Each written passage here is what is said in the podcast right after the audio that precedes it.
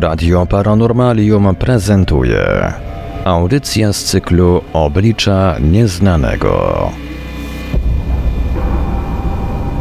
Czy za niektóre zbrodnie odpowiadają siły nie z tego świata?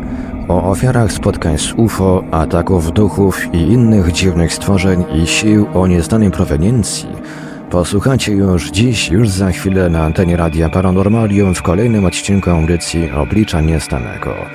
Przy mikrofonie i za starami technicznymi audycji jak zawsze Marek Sankiewelios, po drugiej stronie połączenia internetowego są z nami już Marek Żelkowski i Piotr Cielebiaś, a jeszcze tylko przypomnę kontakty, pod którymi będziemy zbierać komentarze od Państwa i pytania. Można do nas pisać drogą tekstową, pisać drogą tekstową. To taki trochę bibliotekaryjny lapsus mi się teraz trafił.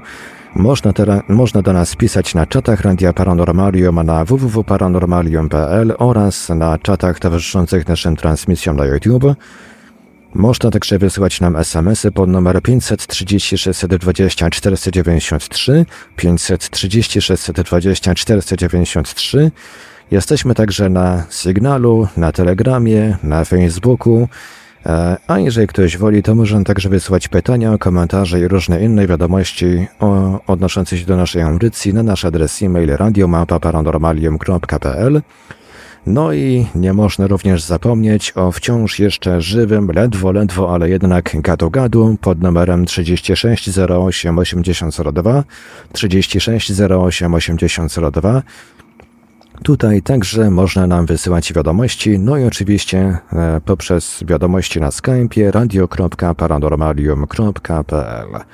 A więc Piotrze, oddaję Ci głos. Dziękuję, witam wszystkich. Dobry wieczór. E, dzisiaj nowy format, zupełnie nowy. Pierwszy odcinek naszych paranormalnych zbrodni. I tutaj pewnie zadacie sobie pytanie, analizując te wszystkie przypadki za jakieś dwie godziny, no czy te wszystkie historie, które przedstawimy, były, były zbrodniami? Czy były to nieszczęśliwe wypadki, czy były to e, umyślne morderstwa, czy może rzeczywiście ingerencja sił, powiedzmy, nadprzyrodzonych? Nie zawsze tak będzie, ale będziemy spróbowali rozgryźć tę historię. Marek wcieli się trochę tutaj w rolę adwokata diabła ponieważ ma na koncie wiele, wiele dzieł literackich, w których także musiał opisywać e, te postaci ciemne, także postara się użyć swojej pisarskiej wyobraźni, by przeniknąć przynajmniej w jakimś stopniu umysł, e, umysł sprawców opisanych dziś zbrodni, ataków. Jak zwał, tak zwał. Drodzy Państwo, internet pęka od opowieści o tajemniczych zaginięciach, jakichś tam niewyjaśnionych zgonach, zbrodniach bez wyjaśnienia i tak dalej, i tak dalej. Ale wiele osób zadaje sobie pytanie, czy zjawiska anomalne, paranormalne mogły przyczynić się kiedyś do czyjejś śmierci. Szczera odpowiedź nie jest łatwa. Jeżeli pamiętacie mm, serial z Archiwum X, tam był to wiodący temat, czyli te zbrodnie y, ze śladem paranormalnym. No ale czy kiedykolwiek ktoś zginął bezpośrednio w wyniku na przykład ataku jakiegoś upiora, w wyniku spotkania z UFO, no albo ataku stworzenia, które formalnie nie istnieje? No o takich przypadkach będziemy Wam w naszym mikrocyklu Paranormalne Zbrodnie opowiadać. E, przytoczymy kilka historii ludzi, którzy zginęli w okolicznościach, no więcej niż tajemniczych na pewno, no ale też zadamy sobie pytanie, czy niektóre z tych zdarzeń da się wyjaśnić w sposób racjonalny, e, bo przecież nie, nie oszukujmy się, że jak powiedziałem na początku, osoby te mogły paść ofiarą mordu, zaś tło paranormalne jest tylko jakąś tam legendą i treścią dodaną do, te, do tej historii, za którą to, e, taką zasłoną dymną, za którą skrywa się prawdziwy sprawca. Także może lepiej te przypadki analizować na zimno, nie wiem, zobaczymy. Kolejne odcinki paranormalnych zbrodni pojawią się za jakiś czas. Będziemy o tym informować na profilu Radia Paranormalium. Dziś tradycyjnie nie ma tak zwanych ogłoszeń parafialnych, w których powiemy, powiemy wam co dalej. One będą gdzieś, gdzieś na końcu. Yy, powiem tylko tyle, że udostępniajcie nasze audycje, udostępniajcie wiadomości o nowym numerze Nieznanego Świata. Yy, jeżeli znacie kogoś, kto się interesuje tematami takimi jak zjawiska paranormalne, czy też dzisiaj niewyjaśnione morderstwa, to polecajcie mu ten program. Marku, może tak trzy słowa wstępu, o czym my dzisiaj będziemy mówić. no będziemy mówić o takich sprawach, które mm, nie są oczywiste, ale są ciekawe. No, bo ja tak uprzedzając, wcinając się niejako w tok audycji, powiem, że pierwszym, zdaje się, mm, tematem będą e, tak zwane samospalenia. I ja jestem e, gorącym, no nie ma takiego słowa, śledzicielem e, śledzę w każdym bądź razie tego rodzaju doniesienia. Mm, co mnie do tego zachęciło? Kilka horrorów, które przeczytałem w młodości, dotyczące tej właśnie sprawy, czyli takich właśnie samospaleń. Um, przypomnę, że i w, w, takim wydawnictwie jak Phantom, e, Phantom Press ukazywał, ukazało się przynajmniej jak dobrze pamiętam, przynajmniej jedna książka na temat samospaleń, ale i Amber ma coś takiego na swoim koncie. No i pewno jakby dobrze poszukać, to jeszcze więcej, więcej by się takich książek znalazło. I same, e, samo, sam temat samospaleń jest e, interesujący, zajmujący, tym bardziej, że mm, wyjaśnień, prób wyjaśnień jest bardzo wiele, ale też nie zapominajmy, że mm, sam problem samospaleń ma też całkiem banalne banalne to nawet jest za, za, za, za słabe słowo, trywialne wyjaśnienia mogą się znaleźć dotyczące samospaleń, bo też na te samospalenia i na te takie dziwne, dziwne, e, dziwne sytuacje nakłada się też szum informacyjny. Bo czasami z sytuacji oczywistej, że ktoś zasnął z papierosem, no i stało się jak się stało, jak się czasami dzieje, robi się e, z tego e, dramę taką pod tytułem samospalenie. No, powiedzmy definicję, jeśli rozszerzyć, to rzeczywiście było to samospalenie, ale to nie o to chodzi tak naprawdę. To na razie tylko tyle. To zaraz będziemy się e, jakby produkować szerzej. Natomiast ja rzeczywiście podchodzę bardzo, bardzo sceptycznie do tego dzisiejszego tematu, bo yy, hmm, no, sama materia, o której mówimy, wywołuje we mnie pewien sceptycyzm. Nie mówię, że jakiś ogromny, ja lubię te, te tematy. Niemniej jednak, yy, ja myślę, że takie ślepe przywiązanie do tego, że no, na pewno to zrobiły jakieś siły nieokreślone, ewentualnie jacyś przybysze i tak dalej, i tak dalej, no, to jest oczywiście bardzo atrakcyjne, e, nawet tak fabularnie. Ja cały czas pozostaję jednak człowiekiem, który nieustannie układa pewne historie, w związku z tym to mi odpowiada. Natomiast e, ja myślę, że lepiej nam będzie, jeśli wierząc w coś, albo ufając czemuś, albo e, uważając coś za atrakcyjne, jeśli chodzi o wyjaśnienie, będziemy włączać e, to takie, takie sceptyczne ja, które mówi, ale może jest prostsze wyjaśnienie tego wszystkiego. No ja myślę, że nie zaszkodzi. Nie zaszkodzi, jeśli od czasu do czasu powiemy sobie, nie, nie, nie, nie no zaraz, zaraz. No. Fajnie to wszystko, fajnie to wszystko wygląda. Jest to oczywiście atrakcyjne, bo, bo to takie, tak brzmi niesamowicie, ale może całą rzecz da się wyjaśnić w sposób banalny, prosty, nawet bardzo prosty. Tak, dzisiejsza audycja też wyróżnia to, że wśród pięciu wybranych przy, przypadków są aż, aż trzy z wątkiem polskim. To znaczy będzie tu pierwsza historia o samospaleniu, ale będą jeszcze kolejne, w których nasi rodacy występują.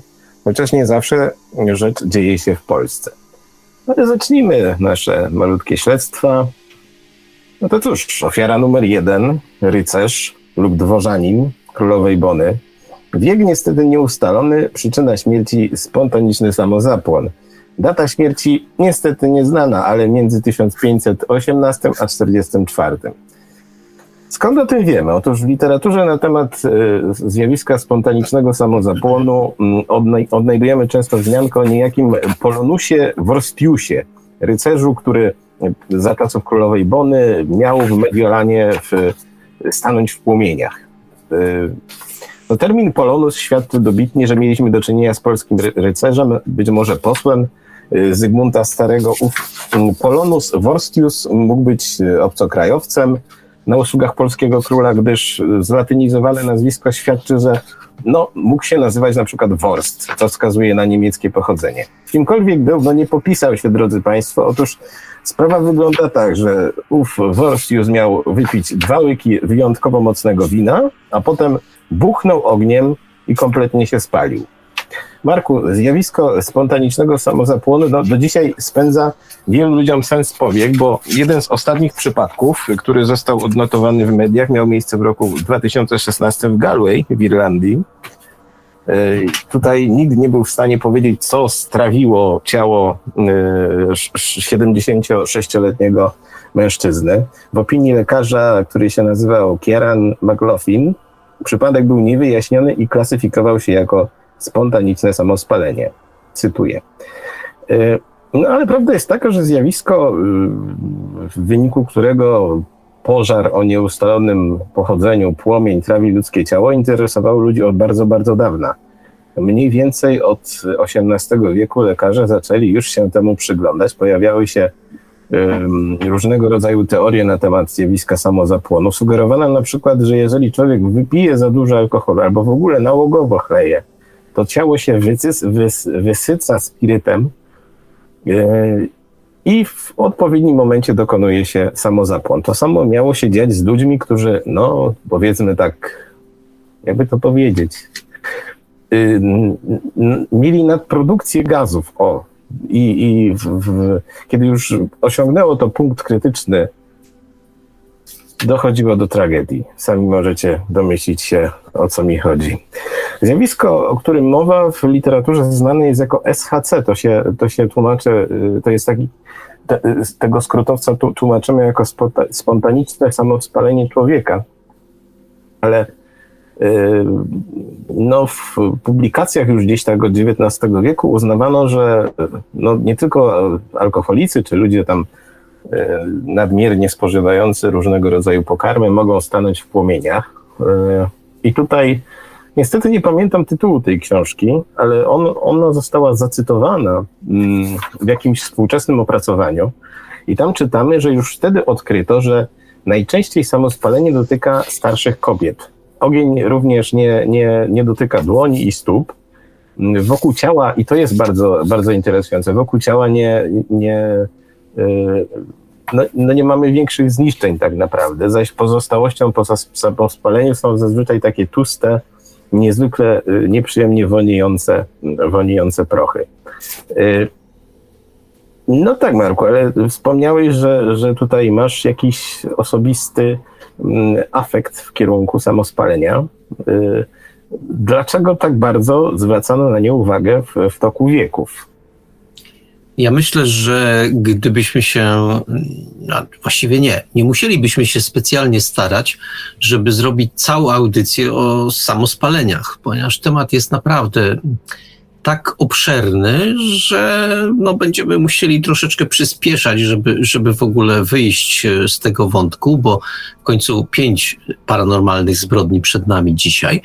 A mm, wątek samospaleń, on jest obecny, tak jak wspomniałeś, no, przynajmniej od XVIII wieku, tak oficjalnie, ale ten przykład, przykład polski e, tego, tego mm, przedstawiciela Bony Sforcy, czy też Zygmunta, no, świadczy o tym, że to jakby sięga sięga troszeczkę dalej, ale do XVIII, no to już rzeczywiście XVIII wiek to jest e, ten moment, kiedy się zaczęto tym oficjalnie interesować. I wyjaśnień na kopy, proszę Państwa, na kopy dałoby się tego cytować godzinami. Ja przywołam swój taki, no, no ciągnie wilka do lasu. Otóż w swoim czasie mm, tego przykładu, a w każdym razie e, pewną historię samospalenia przywołał wielki pisarz Karol Dickens, on wydał taką powieść o, gdzieś w połowie XIX wieku. No, wybaczcie Państwo, ale to niestety dat wszystkich w głowie nie mam. W każdym razie powieść nazywała się Black House i tam jest motyw e, polegający na tym, że jeden z bohaterów, e, który nazywa się Kruk bodajże, e, on był alkoholikiem, no i tam doszło do samospalenia. Ale przywołuję nie dlatego, żeby Państwu polecać prozę Karola Dickensa, chociaż warto, aczkolwiek tu muszę dodać, że ona się już mocno zestarzała, aczkolwiek ta, tak językowo się zestarzała. Natomiast jeśli chodzi o pewne, pewne intelektualne przesłania, to ona w dalszym ciągu chyba funkcjonuje i trzyma się całkiem nieźle. No dobrze, odejdźmy od literatury, to w końcu nie bibliotekarium. Yy, wracając do tego, dla mnie to jest yy, świetny przykład tego, że ta wojna pomiędzy cudzysłów, racjonalistami, a tymi ludźmi, którzy skłonni są jednak dopuszczać pewne mm, dziwności tego świata, ona trwa nieprzerwanie od bardzo, bardzo dawna. Otóż e, Carol Dickens został zaatakowany, tak to dobre słowo, zaatakowany przez, e, mm, przez ówczesnego takiego intelektualistę, to chyba dobre słowo, e, był między innymi filozofa, no właściwie powinienem się wstydzić, a był filozofem, pamiętam, że miał na imię George, ale więcej już nie pamiętam. Został zaatakowany za szerzenie ciemnoty. No, guseł to chyba nie padało to słowo, ale możemy sobie powiedzieć guseł i zabobonów, że coś takiego opisywał, że coś takiego, co no, bez sensu. Czyli zwróćcie Państwo uwagę, mamy połowę XIX wieku, a już walka y, postu z karnawałem, czy też jakkolwiek sobie to określimy, trwała w najlepsze, czyli ci racjonalni i mądrzy kontra ci, którzy są głupi i nie, jakby niedoczytani i w ogóle nic nie wiedzą o świecie. Zauważcie Państwo, to do dzisiaj funkcjonuje i, i, i ja nie potrafię zająć stanowiska, to znaczy y, jest, jestem, jest, tak naprawdę jestem przeciwko jednym i drugim. Znaczy nie wierzę zarówno w to, że wszystko da się wyjaśnić w sposób oczywisty, y, racjonalny i naukowy. No niestety być może za kilkaset lat nauka gdzieś tam dotrze do progu, y, w którym rzeczywiście pozna wszystko. Mam wątpliwości, ale załóżmy, zróbmy takie szalone założenie, że tak będzie. Natomiast okej, okay, to są jedni, ale są też e, tacy, którzy uważają, że e, i to też jest, że wszystko, co, co jakby dzisiaj nauka o tym nie potrafi powiedzieć, to oczywiście są sprawy paranormalne. No chyba tak nie jest. No, powinniśmy te rzeczy wypośrodkować i dla mnie właśnie przykład samospaleń to jest najlepszy dowód na to.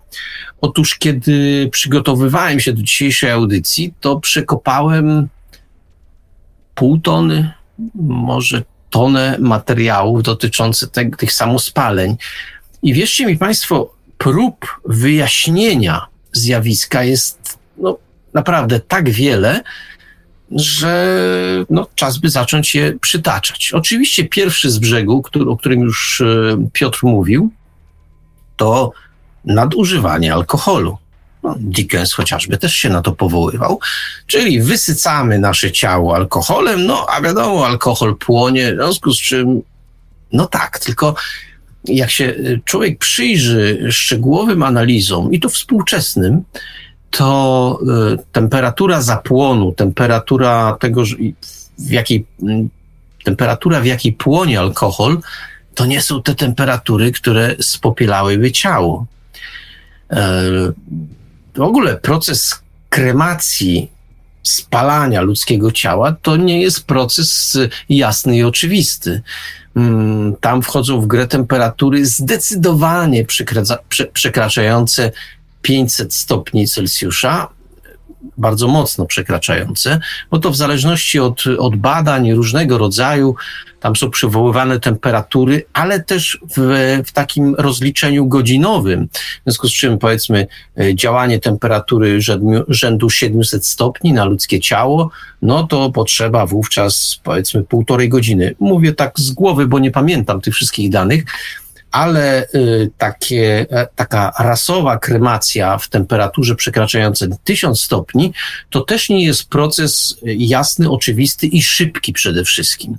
W związku z tym te wszystkie doniesienia dotyczące samospaleń, samozapłonów, które mówią o tym chociażby, że y, ciało ulega y, spopieleniu, a jednocześnie przedmioty wokół, chociażby łóżko, chociażby meble, chociażby wyposażenie wnętrza, jakimś dziwnym trafem no, nie ulega większym uszkodzeniom.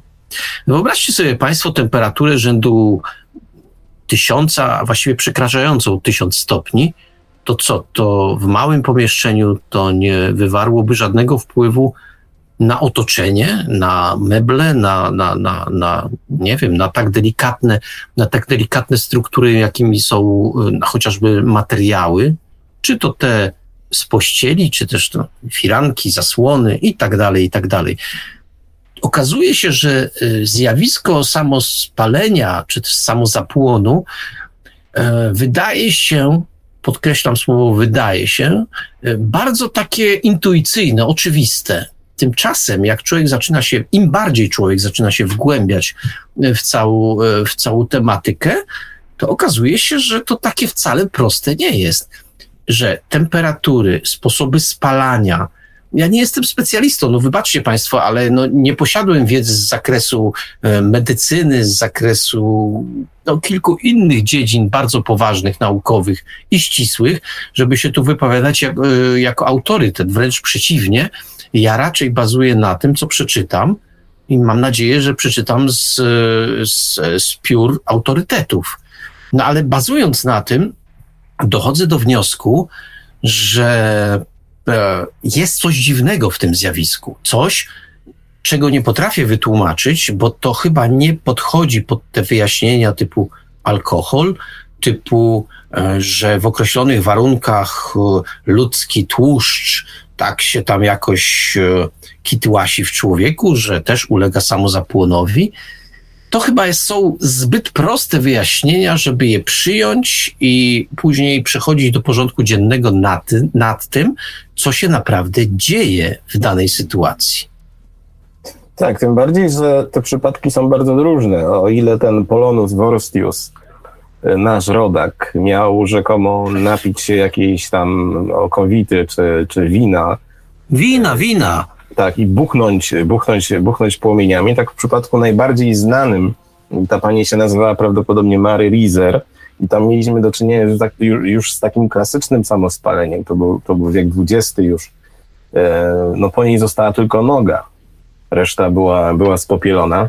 Mieszkanie się nie zapaliło, a o tym, że coś płonęło w środku, świadczyła tylko gorąca klamka.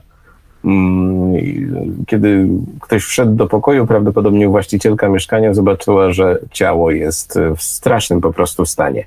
No ale jeżeli chodzi o takie alternatywne hipotezy, y, takie najbardziej kontrowersyjne, no to dlaczego ciało ulega samozapłonowi? No A. Znaczy wersja A dana osoba może chorować na jakąś przypadłość, która jest nieznana nauce, no i w jej wyniku dochodzi do mm, wygenerowania w jakiś niewyjaśniony sposób ogromnej temperatury, no oczywiście też paliwa, które, które musi gdzieś tam w człowieku być.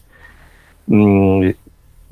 Hipoteza numer dwa, czyli B, mm, wskazuje na obecność jakiejś e, skumulowanej energii nieznanego pochodzenia, dajmy na to jakiejś bioenergii znanej pod takimi nazwami jak chi czy, czy prana powiedzmy, nie mogąc znaleźć ujścia, ona po prostu spala człowieka, który, mm, który w wyniku tego no, kończy życie.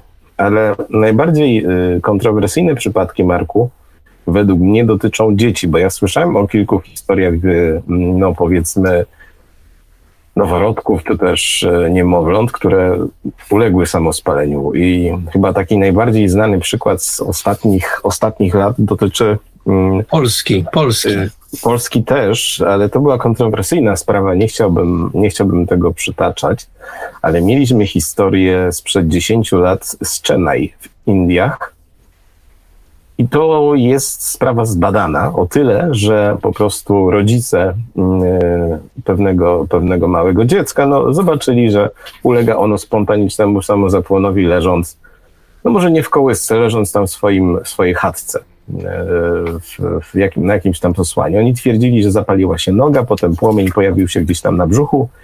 Dziecko było poparzone, na szczęście udało się ten ogień zdusić, zostało zabrane do szpitala i tam starano się sprawdzić, czy jego ciało rzeczywiście może w jakiś sposób ulegać samozapłonowi. No nie potwierdzono tego w warunkach, w warunkach kontrolowanych. Ale jeżeli przyjrzymy się literaturze, to tam mamy do czynienia z czymś innym. Otóż większość ofiar samospalenia to są osoby raczej starsze, nierzadko nadużywające alkoholu, co nas prowadzi do tak zwanego efektu knota. Otóż ktoś otulony kocem czy kołdrą zasypia czy omdlewa, papieros wypada z ręki i mamy, zdaniem niektórych, odpowiedź na, na wiele przypadków. No ale wróćmy, Marku, do naszego Polonusa, bo to już chociaż samo spalenie, to wygląda, że to jakaś zupełnie, zupełnie inna sprawa. Czy może stoi za tym rzeczywista zbrodnia, że chłopak ktoś po prostu otruł, a mm, ta opowieść o, o ogniu buchającym z, z ust no jest tylko jakimś literackim ubarwieniem. No właśnie, powiem tak, no to oczywiście jest barwna historia, mm, która przesuwa mm, granice obserwowanych samospaleń to bardzo, bardzo mocno wstecz. Niemniej jednak e, zwróćmy też uwagę, tak, dla zachowania, dla zachowania pewnej, pewnego porządku, że samo istnienie owego rycerza, owego przedstawiciela dworu polskiego, ono jest nawet kwestionowane. Więc znowu, tak jak jest to w przypadku y, historii sprzed wieków, nagle okazuje się, że pewne bardzo atrakcyjne doniesienie, które no, w jakiś sposób e, przykuwa naszą uwagę, mm, po głębszej analizie, jak analizie, ale po głębszym takich, po takich poszukiwaniach okazuje się, że to tak na dobrą sprawę to nawet nie wiadomo, czy ktoś taki jak ten rycerz, przedstawiciel dyplomatyczny w ogóle istniał.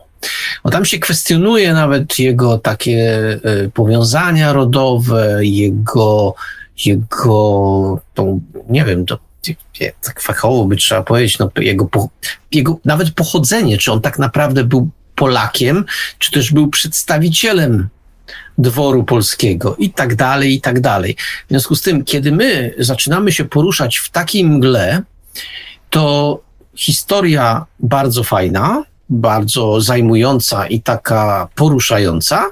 Niemniej jednak e, ja bym przeniósł e, ten, taki, ten reflektor nasz, którym oświetlamy różnego rodzaju przypadki, jednak troszeczkę e, w bliższe nam wieki, czyli tak powiedzmy na XIX i XX wiek, bo to zdecydowanie zrobi nam lepiej. Mm, odnotujmy, że taki przypadek gdzieś tam się wydarzył, ale ja bym się nim specjalnie nie zajmował. A propos tego efektu knota, o którym wspomniałeś, no to powiem w ten sposób.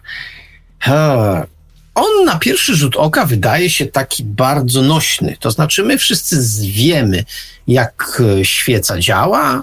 Mamy knot, mamy świecę, to tam się wypala ten materiał, knot go i no wiecie Państwo, jak działa świeca. No tak, tylko uświadommy sobie jedną sprawę, że żeby spopielić e, tak ludzkie ciało, jak to często mówi się o tym w przypadku omawiania samospaleń, to potrzeba temperatury rzędu, no, w przypadku dorosłych osób 1300 stopni. Tak przynajmniej, e, takie przynajmniej informacje wyszukałem. Tam są wahania oczywiście różne, bo to znowu dotyczy wieku. W przypadku dzieci to podobno jest y, jednak niższa temperatura. Y, kompletne samospalenie dziecka może nastąpić y, w temperaturze nawet tylko, jak sobie to określimy, 500 stopni, ale, mm, ale to musi działać przez dwie godziny. 800, 800 1000 stopni przez godzinę jest w stanie y, zamienić w kubkę popiołu ciało dorosłego człowieka. No, ja mam takie przekonanie jak przekonanie, ale takie, takie, takie, taką intuicję, to takie mocne słowo, ale, ale dobrze oddaje stan mojego ducha, że mamy do czynienia ze zjawiskiem, które nie tłum- jeśli istnieje, to nie tłumaczy się tak prosto jak tam efekt knota, czy tam efekt tego, że ktoś nadużywa alkoholu. Myślę, że w grę wchodzą zjawiska znacznie bardziej złożone, których być może nie znamy. Ja tylko wspomnę, że w bardzo wielu relacjach dotyczących samospaleń mowa jest o takim niebieskim płomieniu, który przypomina płomień palnika gazowego. W dodatku, y, w przynajmniej kilku relacjach na, możemy się natknąć na informacje o takim syczeniu mm, charakterystycznym właśnie chociażby dla pracy palnika. Coś syczy, tak jakby podsycało ten płomień. No, to jest moim zdaniem. Wiem, że ciągnę Państwa w kierunku takich z, e, czegoś, o czym nie potrafimy za bardzo opowiedzieć, bo nie wiemy o co chodzi.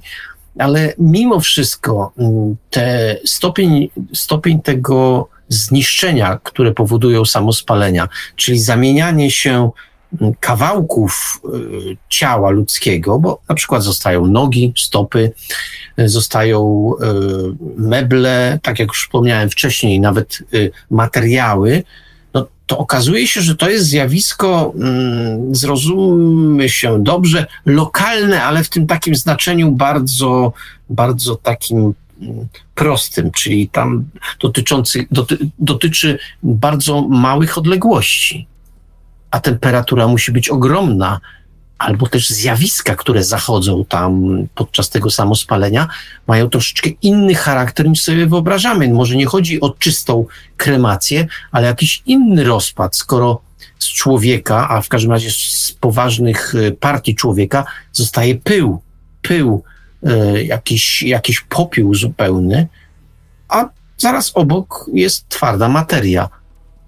To mi się wydaje niepokojące i to mi się wydaje mm, takim drogowskazem, przy całym swoim sceptycyzmie, podkreślę takim drogowskazem, że mamy do czynienia ze zjawiskiem, którego nie ogarniamy, nie ogarniają go naukowcy, starają się robić dobrą minę do złej gry, przytaczać Stąd ta obfitość, o której wspomniałem, wyjaśnień, ale te wyjaśnienia, które, które są serwowane, jakoś mnie nie przekonują. Są co prawda takie, które zwróciły moją uwagę, ale o nich pewno za chwilę, za chwilę powiemy. Natomiast te takie klasyczne, typu knot, typu alkohol, to nie, nie, nie. Ja tego nie kupuję.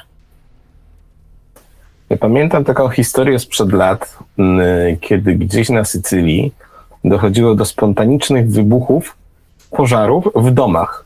Ta miejscowość była nękana po prostu samoistnymi pożarami, jakby to był jakiś poltergeist, jakby to było jakieś, jakieś, nie wiem, zjawisko geologiczne. To było bardzo interesujące, może gdzieś tutaj właśnie trzeba szukać wskazówek.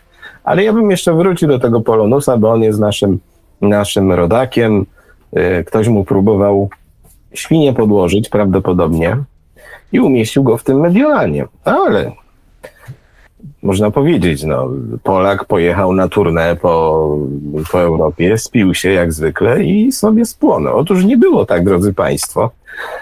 Legenda o Polonusie, a to może to, to nie to, że to jest legenda tak stuprocentowa, ale powiem tak. Ta historia, że był Polonus Vorstius, to jest efekt powtórzenia błędnego relacji oryginalnej przez pewnego, przez pewnego y, angielskiego pisarza, książce z 1995 roku pod tytułem A Blaze. On tam zacytował y, dzieło lekarza duńskiego Tomasa Bartolina z y, połowy XVII wieku i ten Bartolin, medyk, y, matematyk, pisze tam o relacji, którą usłyszał od lekarza Adolfusa Wrostiusa, który był ponoć wówczas bardzo cenionym medykiem Tenże Worstius usłyszał z kolei tę opowieść od swojego ojca. Być może miał na jej temat nawet jakieś notatki. Ale o czym to mówi? Otóż był sobie kiedyś Polonus, czyli jakiś Polak, jakiś prawdopodobnie polski, no, polski szlachcic, y, który za czasów królowej Bony miał sobie wypić jednak jedna po drugiej szklankę jakiejś okowity. Wtedy też się coś w nim zapaliło, buchnął płomieniem, i się spalił. Co doprowadziło do jego śmierci, my możemy się jedynie domyślać, bo jak powiedziałem, mm, ta historia w swojej wersji, która krąży w literaturze, no jest kalką y, historii jeszcze bardziej, bardziej powiedziałbym mało szczegółowej. Czy to była jakaś powtarzana opowieść ku przestrodze? Nie pijcie tak dużo okowity. Y, czy też y, był to realny przypadek, który obrósł, obrósł mitem? Tego się nigdy nie dowiemy. Natomiast co mi przychodzi do głowy? Przychodzi mi do głowy taka bardzo popularna, powiedziałbym, wiejska legenda o charakterze ogólnopolskim. Ona dzisiaj już nie jest tak może bardzo popularna, ale swego czasu wierzono, e, szczególnie na wsiach, że jeżeli człowiek wypije duszkiem spirit, czyli spirytus albo jakiś tam wyjątkowo mocny bimber, to on ulega w człowieku właśnie samozapłonowi. Nie wiem, czy tutaj możemy łączyć tą historię Polonusa e, z tąże legendą. Możliwe. W każdym bądź razie jest trup Marku, a wyjaśnienia nie ma. A może go ktoś rzeczywiście otruł, może mu czegoś tam dosypano. Y, no tego się nigdy nie dowiemy. Niemniej jednak y, spontaniczny samozapłon to jest zjawisko na tyle rozbudowane, że zapewne kiedyś jeszcze powrócimy do niego, cytując, no może nie te naj, najpowszechniejsze przypadki, bo te, te na, najbardziej oczywiste są y, może nie tak interesujące, ale kiedy słyszymy o tych dzieciach, które stawały w płomieniach, kiedy słyszymy opowieści o tym, że ktoś po prostu był świadkiem sam mm, swojego samozapłonu, no to w grę wchodzą już inne zjawiska niż wspomniany efekt Knota. No, ciekawy był, y, ciekawy, ciekawy, ciekawa była próba wyjaśnienia y, za pomocą, no wyjaśnienia za pomocą mówiono o piorunie kulistym, że to może być, e, to może być przyczyna. Piorun kulisty, ja tylko przypomnę, to zjawisko dosyć tajemnicze, przez długi, długi czas było kwestionowane. Ja sam pamiętam jeszcze mm, całkiem poważne książki z lat 70., które kwestionowały istnienie czegoś takiego jak piorun kulisty. Z czasem to się zmieniało, natomiast e, warto chyba podkreślić, że mówi się o tym, że piorun kulisty nie ma żadnych problemów z przenikaniem przez materię, przez, przez, przez ściany, przez okna. No i gdyby tak sobie taki piorun kulisty wniknął w człowieka, to efekt mógłby przypominać to, co, z czym mamy do czynienia w przypadku samospaleń. A żeby nie odwoływać się tylko i wyłącznie do mm, takiego świadectwa gdzieś tam z czasów Bony Sforcy, no to warto powiedzieć, że pod koniec XX wieku zdarzyło się takie samospalenie chociażby na osiedlu y, w Gdańsku. 64-letni y, mężczyzna spłonął w swoim mieszkaniu.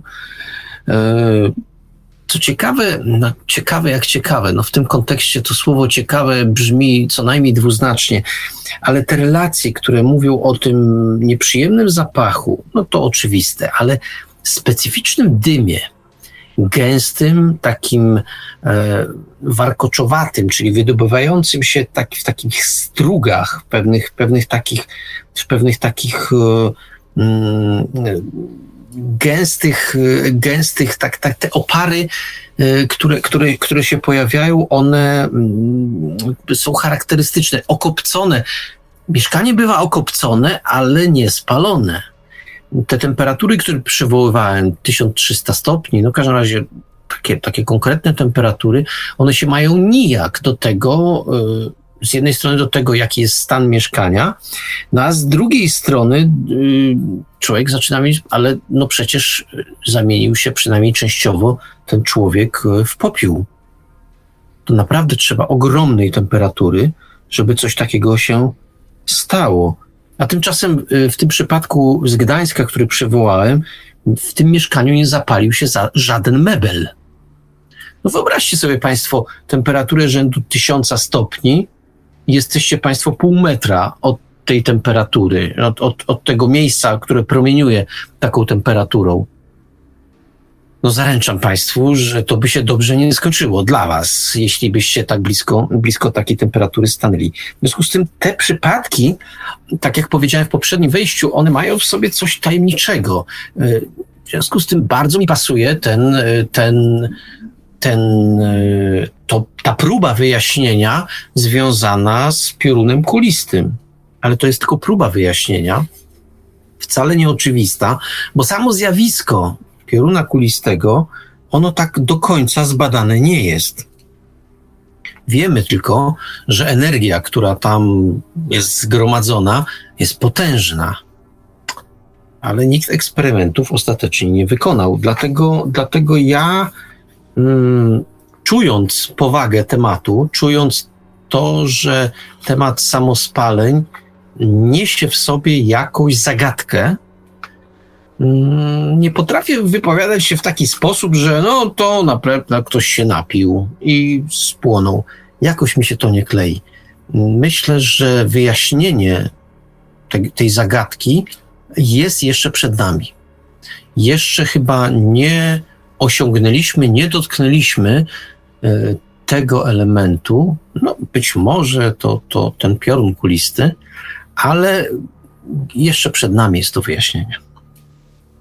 Tak, tym bardziej, że jeżeli pojawią się kolejne odcinki paranormalnych zbrodni, to do tematu spontanicznego samozapłonu jeszcze wrócimy.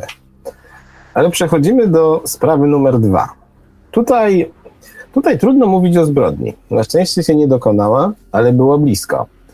A jej autorem miał być duch. Duch poprzedniego gospodarza, mieszkańca wsi Niewieścin. To jest Kujawsko-Pomorskie. Tak, blisko Bydgoszczy, blisko Bydgoszczy.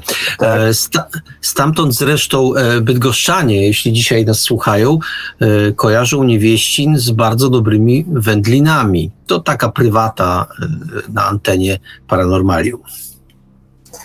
Tak, to była w ogóle bardzo znana swego czasu sprawa. Ale po kolei, jak powiedzieliśmy, było blisko do strasznej tragedii, to chyba nawet więcej niż raz jak zapewniali y, główni bohaterowie tej historii, no coś ich zaczęło straszyć, a potem nękać. Y, konflikt z takim demonicznie usposobionym duchem, który mm, zamieszka w gospodarstwie państwa M, no, doprowadził do skrajnych reakcji psychicznych, w tym nawet próbie wymierzenia, y, wymierzenia pistoletów w stosunku, w kierunku upiora. No ale dochodziło do ataków fizycznych na, na, na, na, na mieszkańców. Na pewnej nocy y, gospodarz, śpiąc sobie, ten nowy gospodarz, poczuł na skronie zimny dotyk, jakby ktoś przystawił mu na głowy pistolet. No, historia ta jest, jedna, jest jedną z najciekawszych, jeżeli chodzi o polskie nawiedzenia. To sprawa bardzo dramatyczna, no ale też medialna. Opisał ją w swojej książce y, Wojciech Chudziński. To była książka Wyjaśnione zjawiska w Polsce, której współautorem był Tadeusz Oszubski. I tam znajdziemy dość, dość yy, obszerną relację z tego miejsca. Yy, wszystko ma swój początek w latach 80. Państwo M zakupują gospodarstwo od starszego pana, który wkrótce umiera w pokoju gościnnym na fotelu. No i też wprowadzają się, mieszkają tam kilkanaście lat y, i nic, nic specjalnego się nie dzieje, aż do okolic roku 1999. I wtedy synowie y, nowych gospodarzy zaczynają skarżyć się na ataki y, niewidocznej siły, która ma ich w nocy, brzydko mówiąc, podduszać.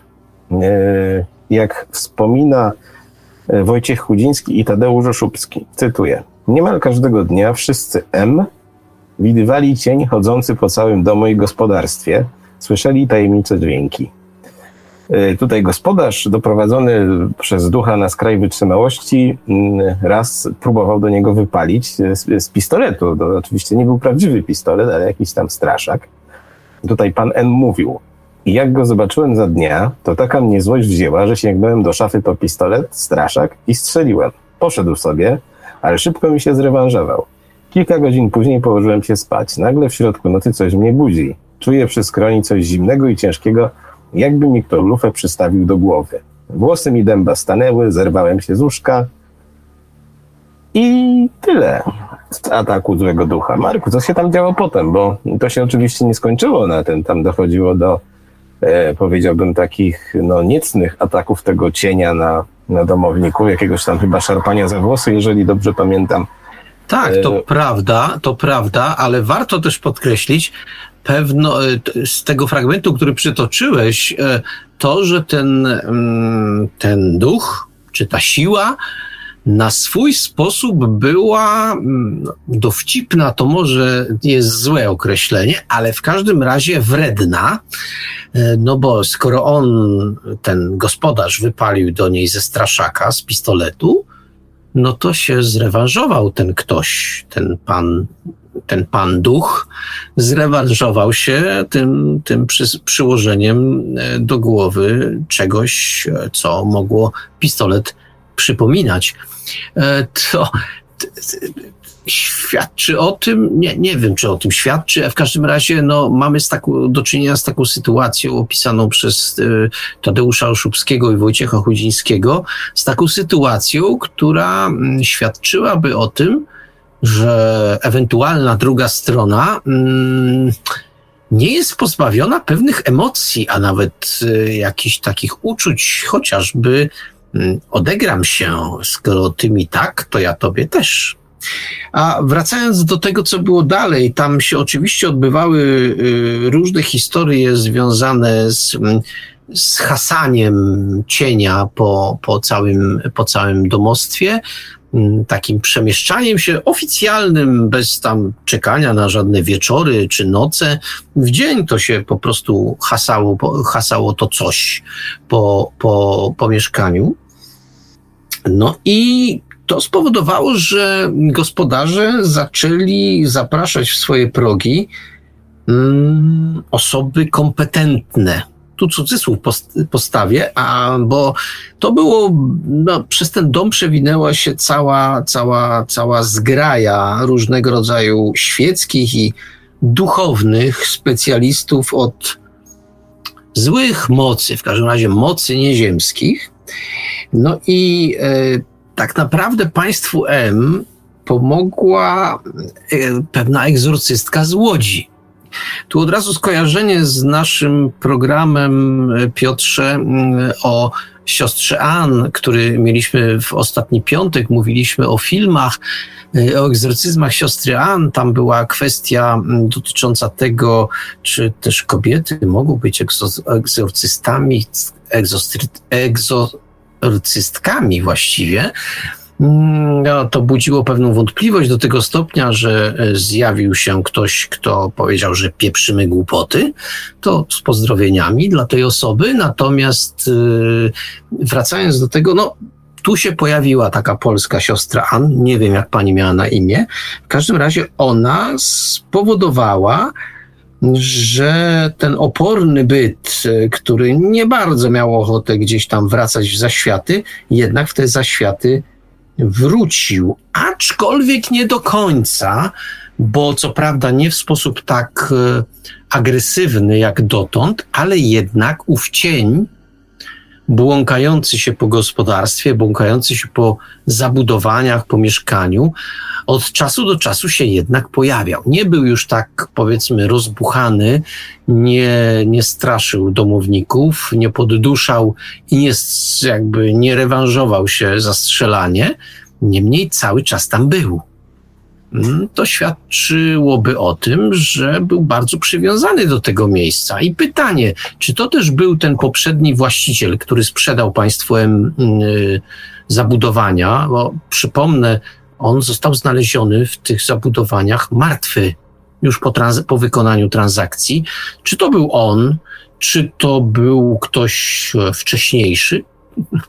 Nie mamy szans dojść, natomiast sama sytuacja Mm, potwierdzona zresztą przez dwóch e, reportażystów z Bydgoszczy, przywoływanych już, czyli Wojciecha Chudzińskiego i Tadeusza Oszubskiego, no świadczy o tym, że emocje, które wokół tego zdarzenia się rozgrywały, emocje, które obaj panowie obserwowali, to nie było coś, co było za przeproszeniem wyssane z palca. Te emocje były prawdziwe.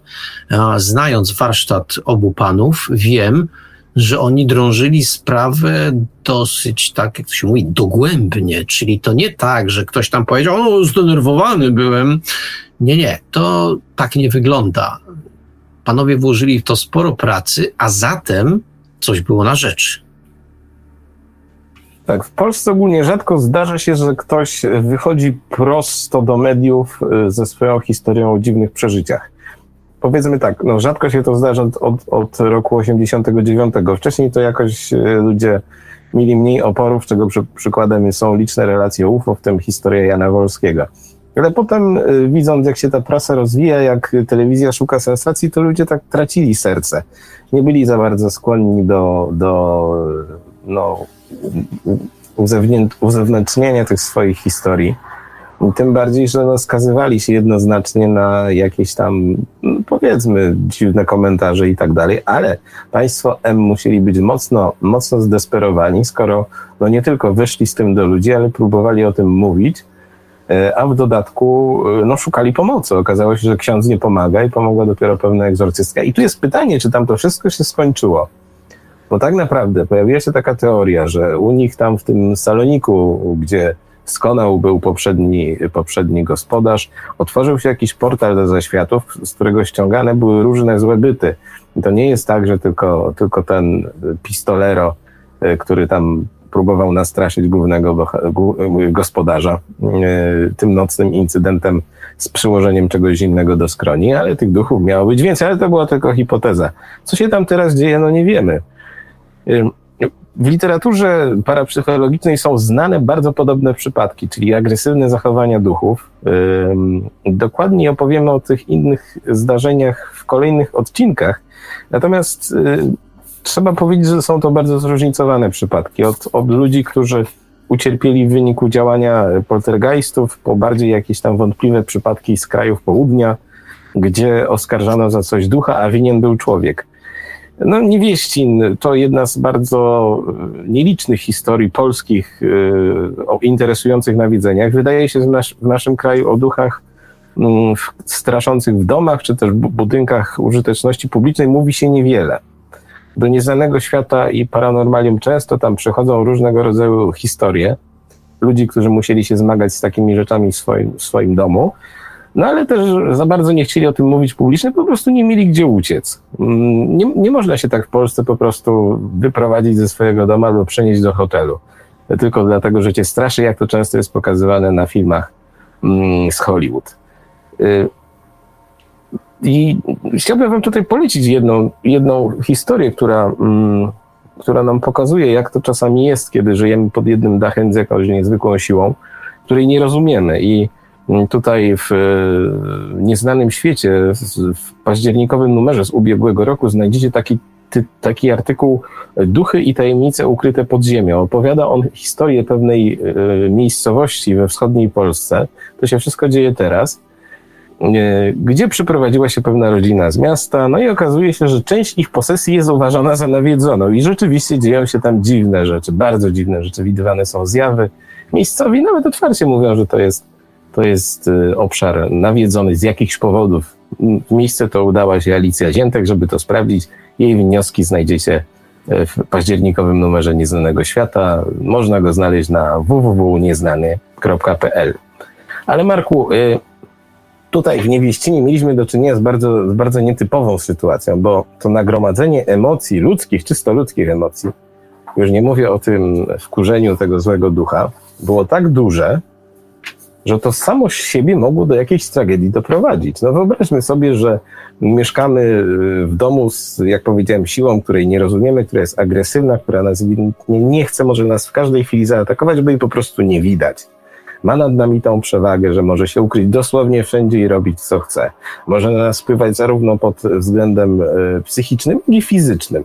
No przecież te te historie o duchach, które w jakiś sposób wpływają na ludzi mentalnie, to znaczy próbują ich nawet dopętywać, też są w Polsce znane. E, I tutaj, Marku, pytanie jedno o to, o to, to takie mieszkanie, tą mordęgę psychiczną mieszkania w nawiedzonym domu, ale jest też drugie pytanie, takie już bardziej powiedzmy odnoszące się do popkultury, bo jak powiedziałem, Niewieścin, jedna z niewielu w miarę udokumentowanych historii o nawiedzeniach w Polsce.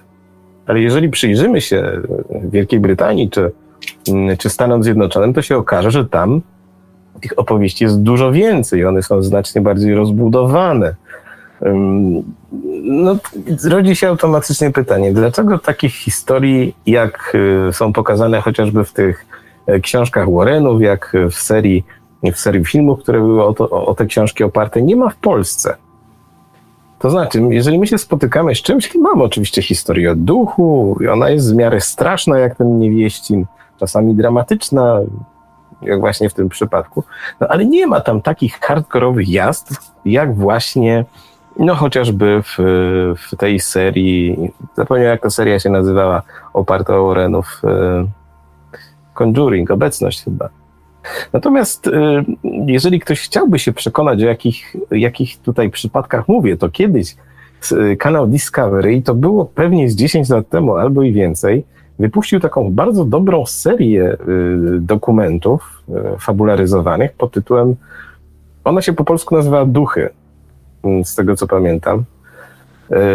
I jeszcze jakiś czas temu można było znaleźć powtórki na, na tych kanałach wszystkich Discoverowych. I tam jest pokazane, jak bardzo duża różnica jest między tymi opowieściami o duchach z Polski, z Europy i ze Stanów Zjednoczonych, gdzie no jeżeli nie dorównujesz, y, mm, nie, nie dorównujesz swoją skalą Amityville, to nie opowiadaj Y, miłośnikom nawiedzeń w ogóle o swojej historii. Czy to nie jest, Marku, czasami tak, że ludzie mm, za oceanem troszeczkę sobie ubarwiają te historie, aby móc je lepiej, lepiej sprzedać? No nie można tego wykluczyć, ale yy, i całkowicie się podpisuję pod tym, co powiedziałeś, yy, że tam panuje kultura Mm, pompowania baloników, czyli jak mamy jakąś sytuację, to ją tak dopompujmy, żeby stała się na tyle medialna, żeby się na tym nawet zarobić dało. E, tak, ale to są Stany Zjednoczone. Natomiast ja myślę, że w Polsce występuje zjawisko, chciałem powiedzieć odwrotne, ale ja nie jestem pewien, czy to jest odwrotność. W związku z tym powiem, inne zjawisko występuje.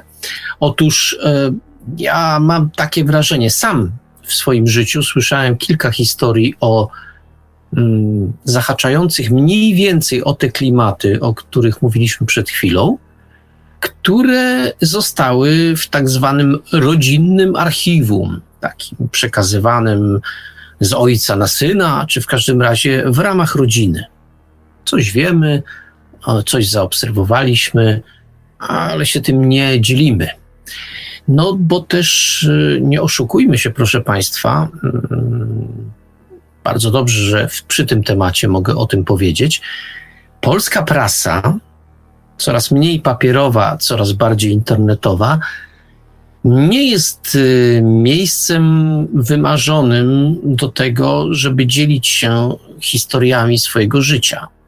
Nawet jeśli są to historie niezwykłe a może nawet przede wszystkim, jeśli są to historie niezwykłe. Ponieważ y, polska prasa, nie wiem, być może na Zachodzie jest bardzo podobnie. Mam podejrzenia, że tak, że tak właśnie jest. Natomiast polska prasa bije już pewne rekordy cynizmu i takiego mm, bardzo przedmiotowego traktowania wszelkich historii. I w związku z tym e, historia jest ciekawa, no jak trup pada gęsto, ewentualnie tam, nie wiem, wampiry, ten krew im ścieka z zębów, albo jakieś inne dziwne rzeczy się dzieją. To jest wszystko ok. Duchy, tak, jak tam się coś dzieje niesamowitego. No, podduszanie byłoby niezłe, albo jakieś inne tego rodzaju dramatyczne okoliczności. E, w związku z tym no, ludzie nie są głupi, patrząc na to, jak zachowuje się prasa, czy to brukowa, czy no, poważna się takimi sprawami nie zajmuje w ogóle. A prasa brukowa robi z tego na ogół y, szopkę, a w każdym razie igrzyska. W związku z tym to się wszystko zaczyna zamieniać w idiotyzm. No, bo taka jest reguła działania brukowców. Zróbmy z tego, y, znaczy najpierw przedstawmy historię, a później ją eskalujmy, y, czy też w każdym razie pompujmy dalej. I w związku z tym to w pewnym momencie zaczyna się zamieniać w swoją własną parodię. Ja myślę, że ludzie, e, rozglądając się wokół siebie, patrząc, jak to wszystko wygląda, spora część ludzi w pewnym momencie doszła do wniosku, że nie ma co zawracać sobie głowy upowszechnianiem tej historii, bo to owszem da chwilową popularność, zrobi, dla niektórych staniemy się bohaterami, dla niektórych idiotami. E, tak to zresztą będzie przedstawiane w, w tej prasie brukowej. I tak naprawdę niczego na tym ani nie zyskamy, bo zapomnijcie Państwo, że to będzie jak w Stanach Zjednoczonych, że da się na tym zarobić, więc niczego na tym nie zyskamy. Najwyżej zrobimy z siebie głupków i to takich, że się nam to zapamięta na długi, długi czas. W związku z tym mm, ja zetknąłem się z tą sytuacją, o której już wspomniałem. Jest szereg historii, które po prostu do środków masowej informacji nie docierają.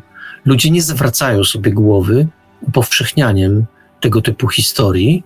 I tu no, jesteśmy w Radiu Paranormalium, no to, to, to, to powiedzmy, powiedzmy coś, co, co trzeba powiedzieć takie media, mm, nazwijmy je niszowe, one pełnią bardzo dobrą rolę, bo ściągają, zbierają tego typu informacje.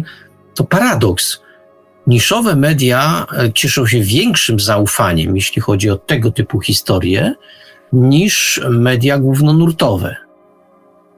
Czy ja się temu dziwię? No, wobec tego, co przedstawiłem, co, co, co się dzieje w środkach masowej komunikacji, nie, nie dziwię się temu ale jednak pewnym paradoksem to pozostaje. Jeśli porównamy sobie tę sytuację z tym, o czym powiedział Piotr, czyli ze Stanami Zjednoczonymi, sprzedawaniem swoich historii, zarabianiem na nich, no to Polska jest takim krajem no, działającym nieco odwrotnie.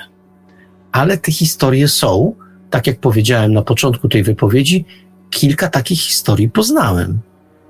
Mniej lub bardziej wstrząsających, mniej lub bardziej ekscytujących, ale one są, tylko nie przedostają się za ten firewall, czy jakkolwiek to określimy, związany, związany z, tymi, z, tą, z tą masową publikacją. Tak, o ile w Niewieścinie nie doszło do, do jakiegoś morderstwa, to yy, możemy zapytać, czy gdyby ta sytuacja się eskalowała i eskalowała i byłoby coraz gorzej, Y, emocje byłyby coraz silniejsze, to czy nie doszłoby tam do jakiejś przypadkiem tragedii? Y, kto wie?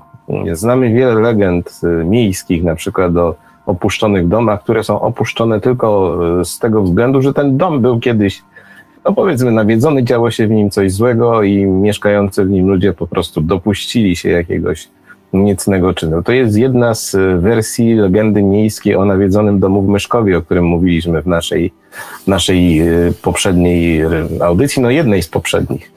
No, całe szczęście, że tam się nic nie stało, że otrzymano pomoc od źródła, jakim była egzorcystka z Łodzi. Natomiast było blisko, było włos. Ja myślę, że że w wielu przypadkach y, ludzie po prostu nie ujawniają swoich relacji o paranormalnych doświadczeniach i ta energia się kumuluje, te złe emocje się kumulują, stres przede wszystkim, bo jak mówiłem, no nie da się bezstresowo mieszkać e, albo reagować bezstresowo, jeżeli e, stykasz się w oko w oko z taką siłą, której, jak mówiłem, nie rozumiesz i która jest jednoznacznie dla ciebie nieprzychylna. Ale o innych atakach ze strony duchów opowiemy w kolejnym odcinku.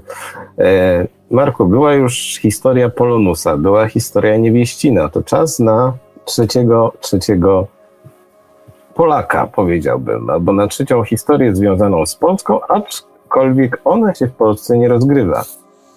Tutaj już mamy do czynienia z, z realną zbrodnią. Yy, nie wiem, nie wiem z jakiej strony, ale coś naprawdę zabiło pana Zygmunta Adamskiego.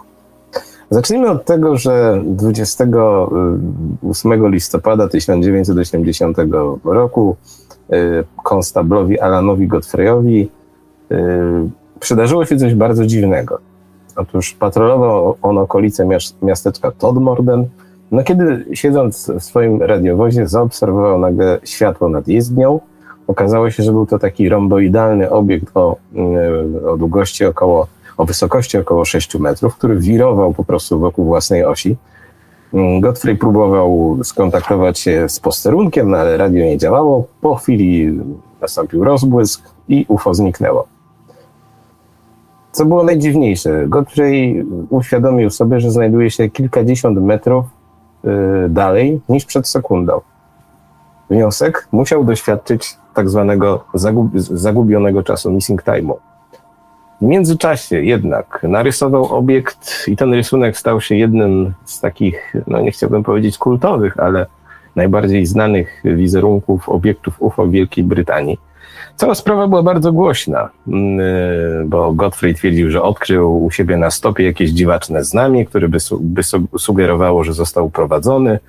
Mm, poddał się nawet regresji, twierdził, że był y, zabrany przez jakieś dwie nieludzkie istoty i tak dalej, i tak dalej. No potem po latach trzeba powiedzieć, że zaprzeczył temu, iż akurat ta ostatnia część, czyli to badanie na pokładzie UFO miało miejsce.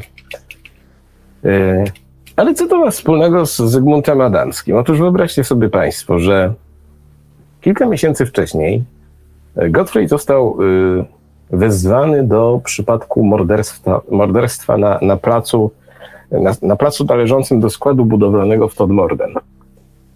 Y, Denat znajdował się na, na, na pryzmie węgla o wysokości około 3 metrów. Y, został znaleziony przez syna właściciela składu Trevora Parkera. Tym zamordowanym był wspomniany Zygmunt Adamski, który od jakiegoś czasu był poszukiwany. W 2018 roku Godfrey tak mówił o tym, co wtedy na miejscu zastał. I tutaj cytuję. Mówi to Adamski. Znajdował się na czubku kupy węgla, ale nie było przy nim nawet, nie było na nim, czyli na jego ubraniu, nawet grudki. Jego oczy były szeroko otwarte, miał też poparzenia. W jaki sposób mógłby się tam wspiąć? Pytał. E, policjant dodawał, że Adamski wyglądał tak, jakby umarł z przerażenia. Miał też na, na, na karku jakieś wspomniane ślady poparzeń, posmarowane czymś tłustym, jakąś maścią, która została potem zabrana do analizy, ale nic z tego nie wyniknęło. No ale Marku, jakie były, jakie były okoliczności w ogóle zaginięcia Zygmunta Adamskiego?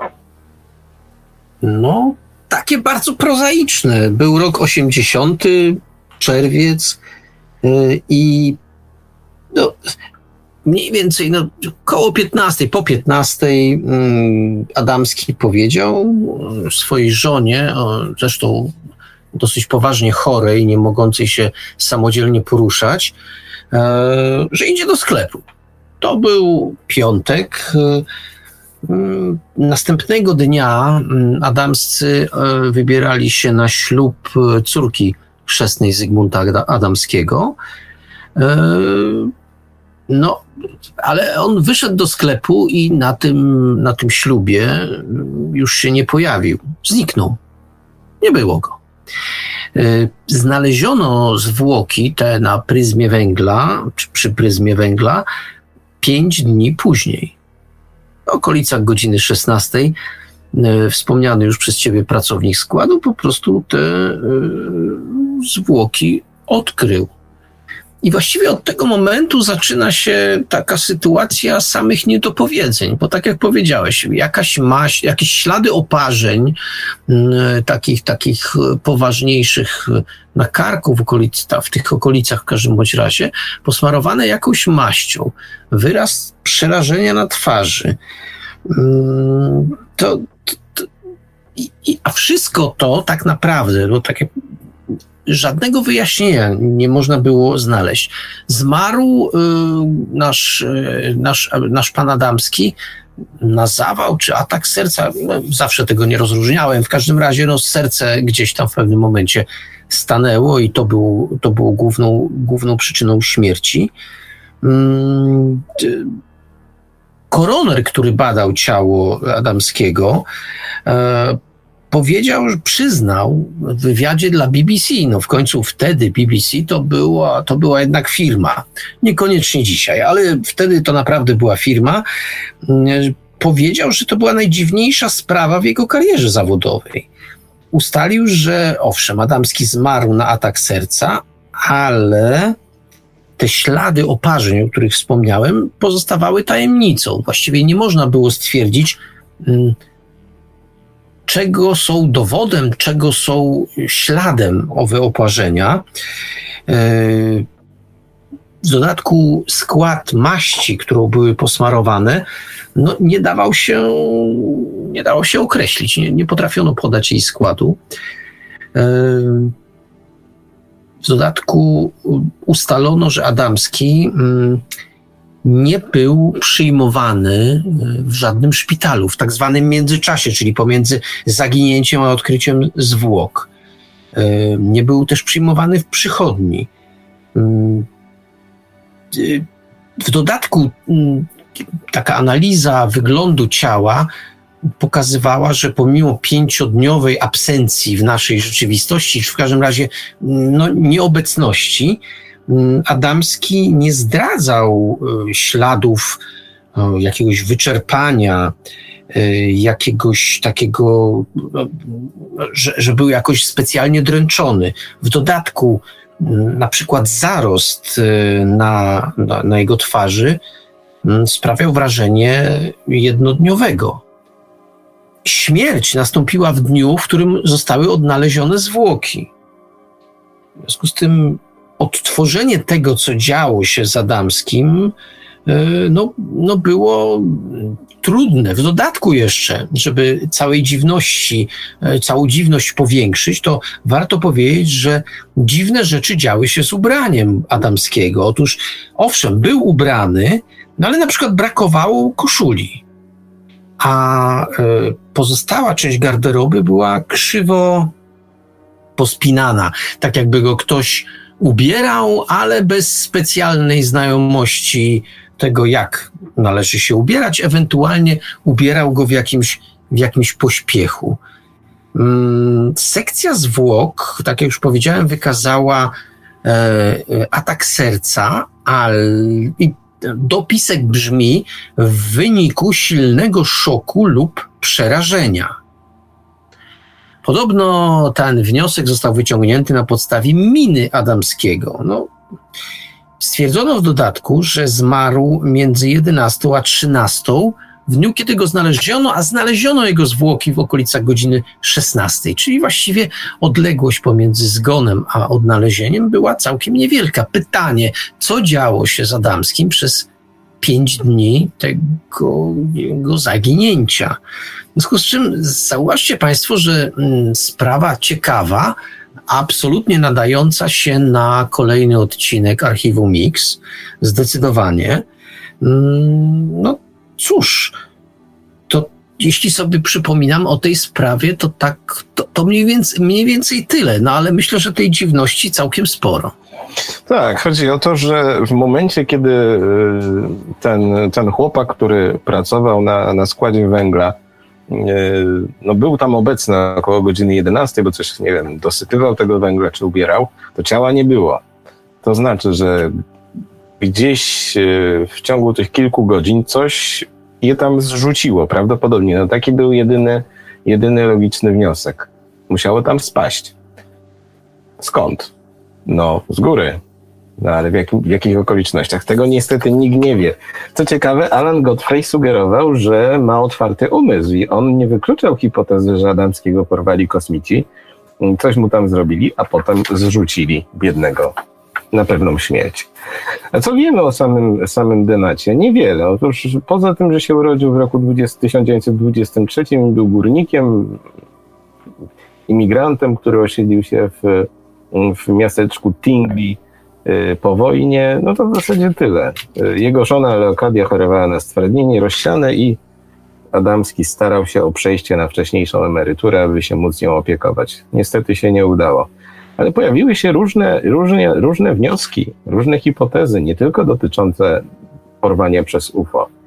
Y, James Turnbull, który był biegłym sądowym w tym przypadku, twierdził, mm, zapytany o sprawę po latach, że do dziś nie wie, co się z Adamskim wydarzyło. Nie jest w stanie powiedzieć, co tak naprawdę doprowadziło do jego śmierci, ale też no, umieściło jego ciało w tak nietypowym miejscu. Nietypowym jednak, dlatego że e, ułożenie go wskazywało, że no nie wdrapał się tam sam.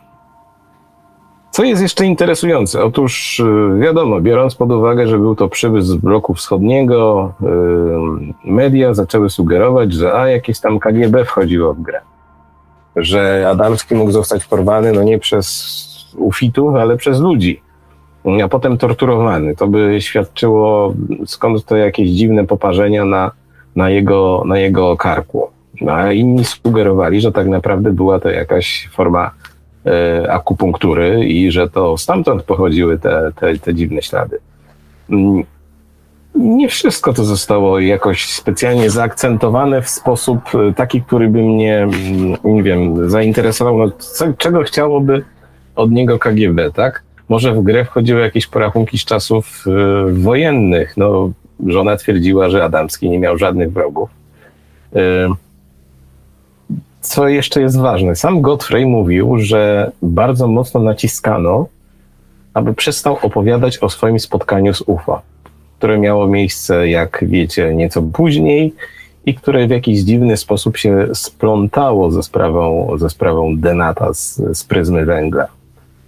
Pojawiły się groźby w stosunku do konstabla Godfreya, wskutek których no, on się załamał psychicznie, zaczął pić, no i jego rodzina się rozpadła. Na szczęście się pozbierał i, i tak naprawdę już nie wiem, czy to był rok 2017 czy 2018, ale wydał książkę na temat tego swojego dziwnego przeżycia oraz przypadku Adamskiego, która miała, miała tytuł Kim lub czym oni są. Moim zdaniem to jest jedna z najmocniejszych historii, w, które przedstawimy w tym programie.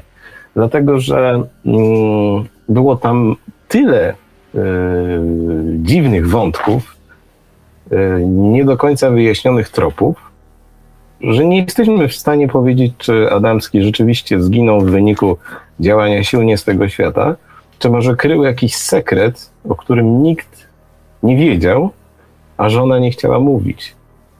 To też trzeba brać moim zdaniem pod uwagę. Jest bardzo wiele możliwości, które no, nie zostały pewnie uwzględnione przez Godfreya i kolegów, a mogły, mogły odpowiadać za to, że, że skończył tak, jak skończył. Ciekawe było to, co powiedziałeś, Marku, że jego ubrania były no, źle pospinane. Z jednej strony wygląda na ogolonego faceta.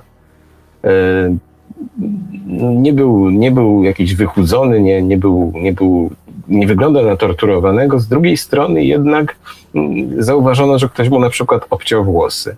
Dziwna sprawa, dziwna. Tak, to prawda. W dodatku ja nie bez przyczyny mówiłem o tym, że to jest właściwie gotowy, powiedzmy ramowy scenariusz do napisania jakiegoś horroru, jakiejś książki z pogranicza fantastyki naukowej. No właściwie y, wystarczyłoby do tego dopleść różnego rodzaju wątki, które tu Piotr sugerował, o których też ja mówiłem i macie Państwo gotową powieść z elementami sensacyjnymi i fantastyczno-naukowymi. E, I już. I, i, I nie trzeba się specjalnie, specjalnie wysilać. Pewne ramy są.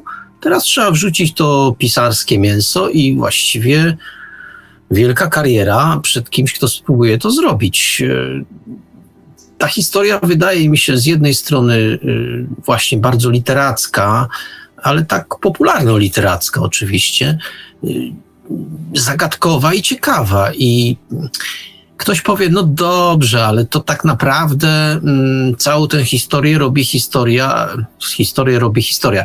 Robi ta opowieść konstabla, który, który spotkał y, jakiś czas później, zetknął się z czymś, co określilibyśmy jako UFO, jakiś pojazd Mm, bo być może, gdyby to nie nastąpiło, to historia tego człowieka na pryzmie węgla no, byłaby taką zwykłą historią, może zagadkową, może związaną z jakimiś, z jakimiś porachunkami, hmm, czy to czysto bandyckimi, czy może właśnie politycznymi, szpiegowskimi i tak dalej, i tak dalej.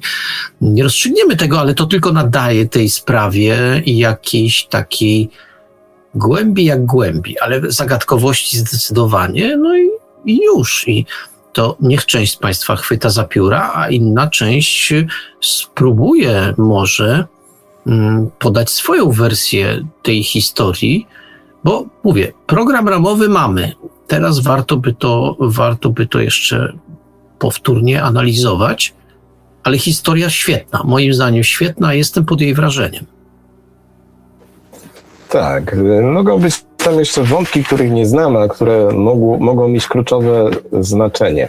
Ale przejdźmy do kolejnego, mm, kolejnego przypadku.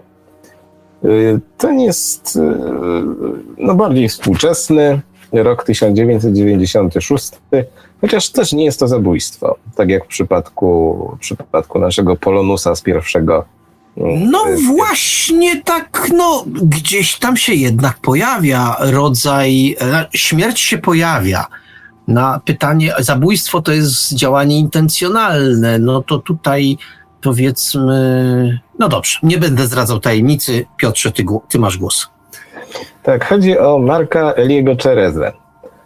Y, to był raczej wynik zaniedbania, dlatego że y, jeżeli uznamy, że rzeczywiście złamał przepisy BHP i dotknął gołą ręką stworzenia nie z tego świata, no to tak było. Wszystko miało miejsce po tym, jak w okolicach miasta Virginia w stanie Minas Gerais rozbił się niezidentyfikowany obiekt latający i jego załoga miała się rozpiesznąć po okolicy. Mm, wałęsające się stwory o krwiście czerwonych oczach, jakichś takich wypustkach na głowie wywoływały panikę wśród mieszkańców. Do akcji szybko się włączyła policja. No i sprawę udało się bardzo, bardzo skutecznie zatuszować. Także do dzisiaj ona de facto balansuje na granicy jakiejś tam no, troszeczkę legendy wspieranej różnego rodzaju ciekawymi relacjami. Te, te, zapętlenia, niedopowiedzenia sprawiają, że Warszynia jest bardzo trudnym tematem, jeżeli chcemy ją tak odgórnie analizować. Najlepiej, żeby zrobił to ktoś z miejscowych, to znaczy ktoś z lokalnych badaczy albo brazylijskich. Do nas docierały różnego rodzaju pogłoski, jakieś strzępki informacji, do, dopiero musieliśmy sobie to sami jakoś układać w całość. Niemniej jednak takim, y, takim kluczowym wątkiem w tej historii jest śmierć młodego żandarma. Y, Marku, jak to się wszystko tak y, działo w dużym uproszczeniu? No, to, to może też tutaj już pociągnę tą historię. Otóż w nocy z 19 na 20 stycznia 1996 roku Oraliden de Freitas obudziło wycie krów na ranczu wkrótce z mężem zaobserwował jakiś, jakiś dysk, który się unosił bardzo nisko nad ziemią i z tego dysku się dymiło, to znaczy był uszkodzony. Y, pojazd najprawdopodobniej później się rozbił i to stamtąd wypełzły te, te stworki. Takim drugim najbardziej y, charakterystycznym elementem, który możecie kojarzyć ze sprawy Warzini, to jest obserwacja trzech młodych y, kobiet, której dokonały w, dzielnicy Jardim Andere. I to były, mm, to były siostry Da Silva i 22-letnia, 22-letnia Katia Javier, które sobie szły na skróty, robiły tam coś, pomagały jakiejś tam swojej znajomej, no i szły do domu na skróty, kiedy zaobserwowały, że przy takiej komórce yy, coś sobie przykucnęło. To coś było, jak powiedziała jedna z nich, diabłem. Nie było to ani zwierzę, ani człowiek. Humanoid miał mieć jakieś 120 cm wzrostu, brunatną skórę, czerwone oczy i tkwił w takiej pozycji, jakby go coś bolało. E, oczywiście był też zapach, który był nie do zniesienia i one uciekły, zobaczyły, znaczy one go zobaczyły, uciekły, mm, wieści się szybko rozeszły, na, miejsce, na miejscu zjawiła się policja i tak dalej, i tak dalej. No ale sprawa tu się oczywiście nie kończyła. Wiele osób zgłaszało potem badaczom do takich najbardziej znanych y, ufologów, którzy zajmowali się sprawą, sprawą Warzini, należeli Ubirajara Rodriguez i Vittorio Pacacini. I do nich, do nich spływały bardzo różne doniesienia, od zarówno tych y, takich, powiedziałbym, cywilnych, czyli ludzi, którzy widzieli te stworki chodzące sobie rano po mieście, to też już te bardziej powiedziałbym, oficjalne, czyli żołnierzy, czy też wyższych, wyższych oficerów, którzy brali w tym udział. Bo w tamtym mm, czasie, co wielu zauważyło, Warżynia stała się miejscem, którym nagle się bardzo zaczęło interesować wojsko. I, to wojsko pojawiało się tu i ówdzie i zaczęto łączyć te wszystkie elementy. I tak y, pojawiła się ta legenda, którą znamy dziś. No ale Marku, co się stało z tym Markiem Elim Czereze? Bo on tak naprawdę on tak naprawdę y, wpadł do domu tamtego dnia, powiedział, że go nie będzie, bo jedzie na jakąś bardzo ważną akcję. I tyle go widzieli. Tak, ale zanim o Marku, to jeszcze chciałbym, e, o, bo ta, ta, ta historia się komplikuje. Znaczy, powiedziałeś o tych trzech kobietach, to było mm, bodajże 20, 20 stycznia, ale dzień wcześniej e, Północnoamerykańskie Centrum Obrony Powietrznej, znany Państwu NORAD, powiadomił swój brazylijski odpowiednik, że e, gdzieś tam zarejestrowany jest niezidentyfikowany obiekt e, kierujący się mm, do centralnej części, części Brazylii. Więc już mamy taką otoczkę, no, że co, coś się działo. Co więcej, mm, były jeszcze wcześniejsze wydarzenia, o kilka dni wcześniejsze, które zapowiadały y, dziwne, dziwne, dziwne sytuacje. Tam pojawia się też historia e, z wojskiem i z katastrofą, katastrofą pojazdu latającego, który się rozpuknął na drobne części, które zostały zbierane przez wojsko i wywiezione ciężarówkami. Zobaczcie Państwo, ja nie chcę tego jakoś szczegółowo omawiać, natomiast um, warto zwrócić uwagę, że ta historia ona ma szereg wątków, które um, są co najmniej zajmujące. One się jak, w jakiś sposób uzupełniają, a w każdym razie um, każdy z nich podbija, podbija mm, ciekawość. Mm, tam jest relacja też o tym, że ktoś jechał e, samochodem i obserwował dziwny pojazd, który wydawał się, wydawał się uszkodzony. E, wydawał się taki tam dymiący czymś i, i, i odleciał dalej, a później się w dodatku te zeznania się potwierdzały, bo zeznanie tego kierowcy pokrywało się kierunek od, od, tego odlotu pojazdu pokrywał się z relacją tej osoby, która mówiła o polu, na którym rozsiane były szczątki, szczątki pojazdu. A jeśli chodzi o to, o co pytałeś, to no, człowiek y, powiedział, wpadł do domu, powiedział, że bierze udział w akcji specjalnej.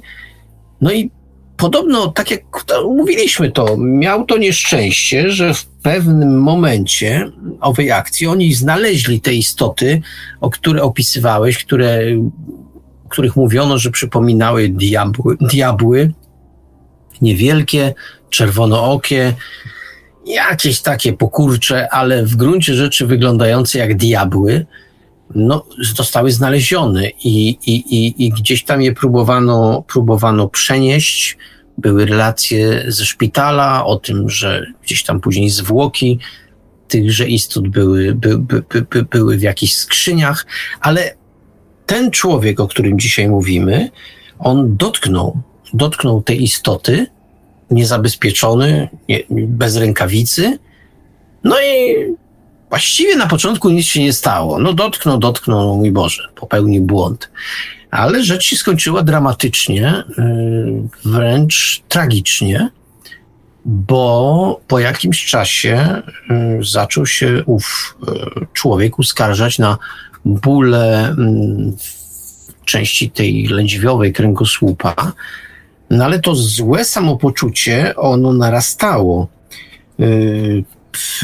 tak naprawdę, kiedy zgłosił się do szpitala, to już był w takim stanie niespecjalnie mm, optymistycznym. A za, za przeproszeniem, jeśli tak, tak powiedzieć, chwilę później, y, no właściwie nie, nie można było mu już pomóc. Mm, jego stan zdrowia tak naprawdę gwałtownie się pogorszył. No i, i tak naprawdę nastąp, nastąpiło zejście.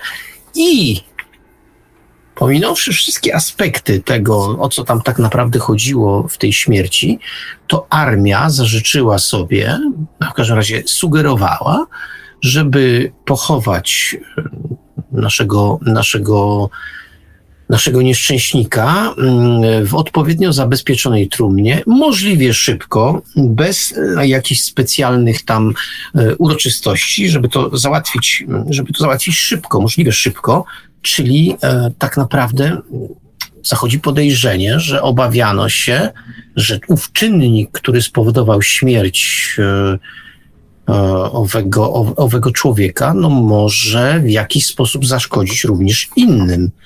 To, to sprawia, że ta historia wydaje się no, zagadkowa, no to banał jest tak naprawdę. Ona zdaje się sugerować, że rzeczywiście mieliśmy do czynienia z jakąś sytuacją, mm, no, zagrożenie biologiczne, no, skoro, skoro mówimy o czymś takim, no to ono sugeruje, że jakąś wiedzę na temat, na temat tego zagrożenia posiadano.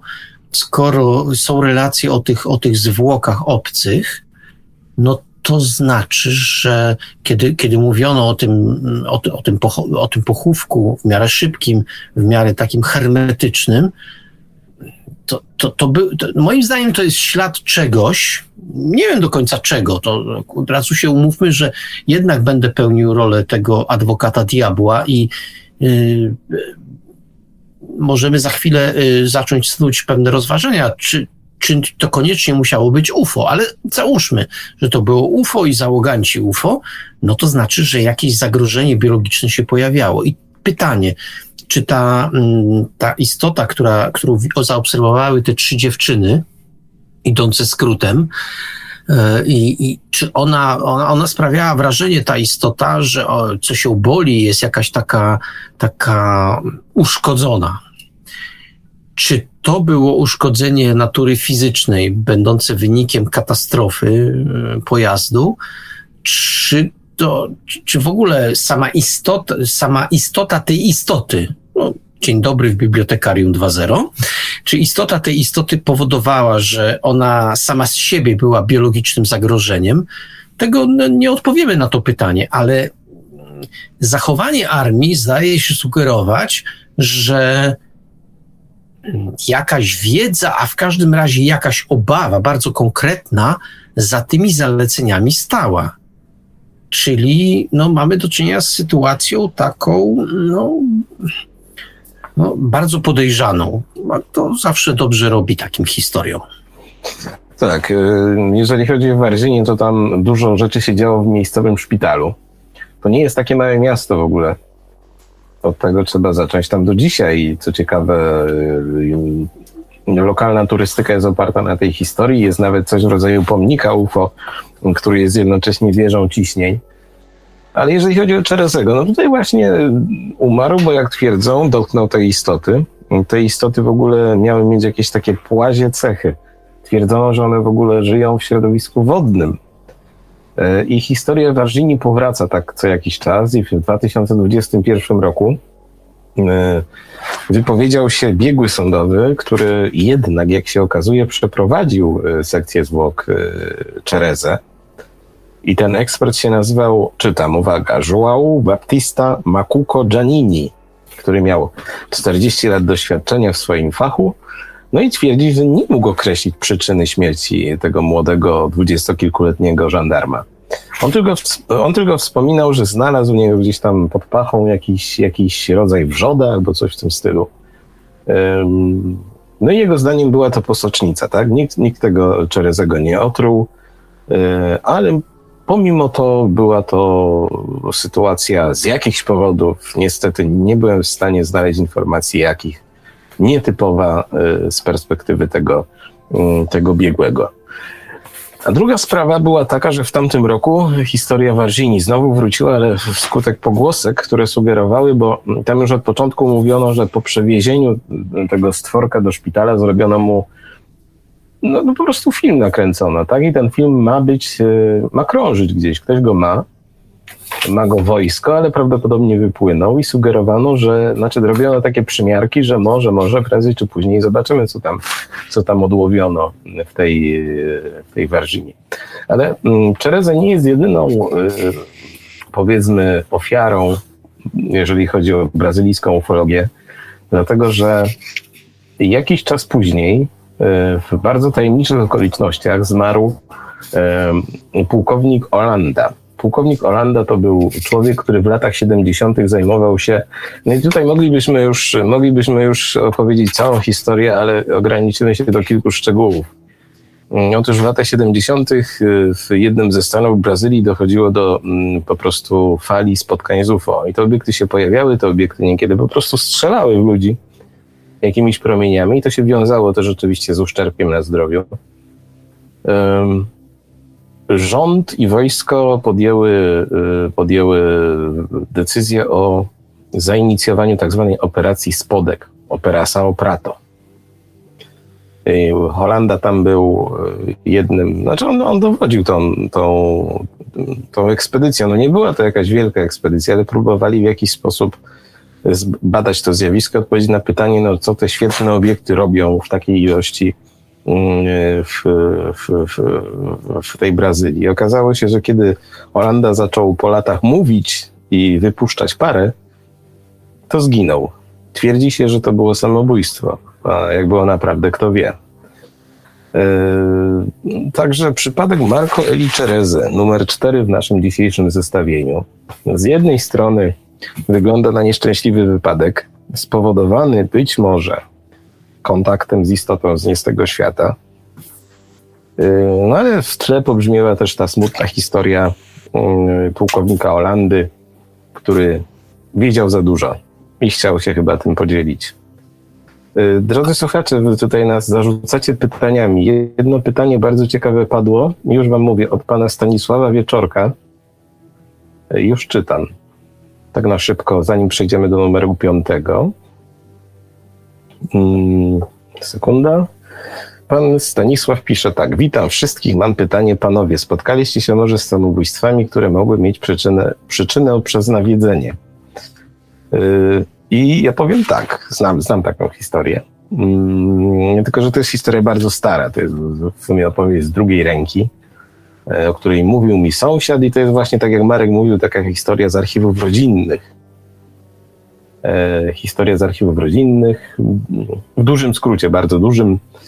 E, pewien pan mieszkający w pobliżu Częstochowy e, miał być podjudzany do, do samobójstwa przez właśnie coś w rodzaju mm, głosu i ten głos nie tylko go podjudzał, ale ten głos potrafił także dokonywać rzeczy, które na co dzień robi poltergeist, czyli na przykład zapalał zapałki i rozrzucał je w powietrzu i takie inne rzeczy. Także może kiedyś do tego, do tego przejdziemy, ale to dziękuję za taką sugestię, bo rzeczywiście warto też takie przypadki w naszej audycji odnotować. Ale Marku, yy, przejdźmy do sprawy numer 5 i tu już mamy do czynienia... Zaraz, jeszcze tylko moment, jeszcze tylko moment przed piątą, przed piątą sprawą.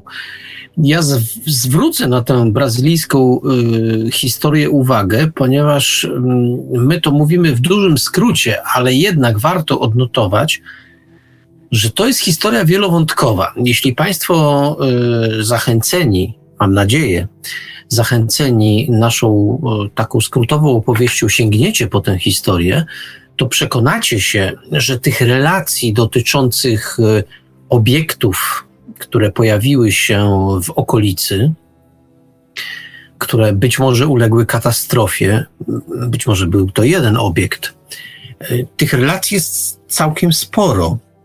Warto zainteresować się tą historią, bo ona no, wygląda troszeczkę, jak się zaczyna tę sprawę drążyć, to jest troszeczkę jak lawina. Wychodzimy od historii na przykład e, tych trzech e, kobiet, które sobie urządziły skrót i zaobserwowały dziwną postać, taką niesamowitą. No dobrze, ale drążymy sprawę dalej i tu się nagle pojawia y, jakiś obiekt, jakaś katastrofa, jakiś biegacz, który coś obserwuje, ktoś jedzie samochodem, e, żandarm. Nagle okazuje się, że taka historia nie jest zawieszona w próżni. To nie jest już relacja pojedynczej osoby, która coś widziała. E, nagle robi się z tego pewien kompleks. Kompleks informacji różnego rodzaju, on w dalszym ciągu jest niedoskonały. On w dalszym ciągu e, ma spore luki, dziury, no i tak jak jest to bardzo często, a to już moja opinia, jak to bardzo często jest y, w takich y, relacjach z Ameryki Południowej, e, tych dziur jest trochę za dużo. Za, trochę za dużo, żeby stworzyć historię, czy każemy odtworzyć historię tego, co się naprawdę wydarzyło. Być może to akurat sprzyja tej historii i podkręca wyobraźnię, pod, mówi o tym, że no słuchajcie, tu, tu, tu tyle różnych wątków, coś musiało być na rzeczy. Trochę się do tego przy, przychylam. Być może tutaj we mnie e, nad tym takim racjonalistą i człowiekiem, który stara się jednak e, skrobać rzeczywistość i szukać w niej dziury, no, trochę zwycięża ta, ta tak skłonność do opowieści, bo ta opowieść, ona jest po prostu taka poruszająca i sprawiająca, że człowiek e, chce więcej. Chciałby więcej. Tu niestety e, napotykamy na ścianę. No nie ma więcej. Jest pewna ilość informacji, jest całkiem sporo. Niemniej jednak e, nie znajdziecie Państwo jakiejś takiej mm, całościowej historii, która wyjaśniałaby, co tak naprawdę się wydarzyło. No, może to nawet i lepiej dla naszej wyobraźni, to zdecydowanie lepiej. No a teraz już piąta historia. Tak, piąta historia i to już jest mord potrójny. Otóż, drodzy Państwo, w roku 2021 platforma amerykańska Hulu y, wyemitowała taki serial dokumentalny pod tytułem Sasquatch. On się koncentruje wokół tajemniczej, drastycznej śmierci trzech, Amery- trzech meksykańskich imigrantów w Ameryce, znaczy w Stanach Zjednoczonych. Do zdarzenia doszło na plantacji marihuany w północnej części stanu Kalifornia. I takim pośrednim, pośrednim świadkiem tych zdarzeń miał być dziennikarz David Holthouse, e, który po ponad e, tam ćwierćwieczu postanowił ujawnić e, no, swoje wspomnienia, swoje przemyślenia, dlatego że to, to wszystko nie było takie łatwe. Dokument jest troszeczkę trudno dostępny w Polsce. Mm, skupia się na historii Holthouse'a, który jako 23-latek w roku 1993 pracował na jednej z farm Y, konopi indyjskich y, w kalifornijskiej głuszy. To było hrabstwo Mendocino. Y, okolice miasteczka, teraz nie pamiętam, Branscombe. Tam przepastne lasy. Pewnie też gliniarze nie do końca, nie do końca, że tak powiem, wykonujący swoją robotę. Każdy mógł sobie tam taką farmę gdzieś w górach założyć no oczywiście wiązało się to z ogromnym ryzykiem, no nie tylko nat natknięcia się na policję, ale też po prostu dochodziło, do, dochodziło do ataków na takie farmy, ścina, ścinania tego, tego, co tam wyhodowano i po prostu zabierania sobie tego. No ale to już inna sprawa. I Holthouse tam, tam przyjechał i w sumie już yy, zaraz potem doszło do bardzo dziwnego zdarzenia. Otóż tak, yy, Wybrawszy się na to poletko, trochę popracował i wrócił do domu. Yy, I siedząc sobie tam z kolegami i wiadomo co robiąc, yy, nagle odezwał się telefon.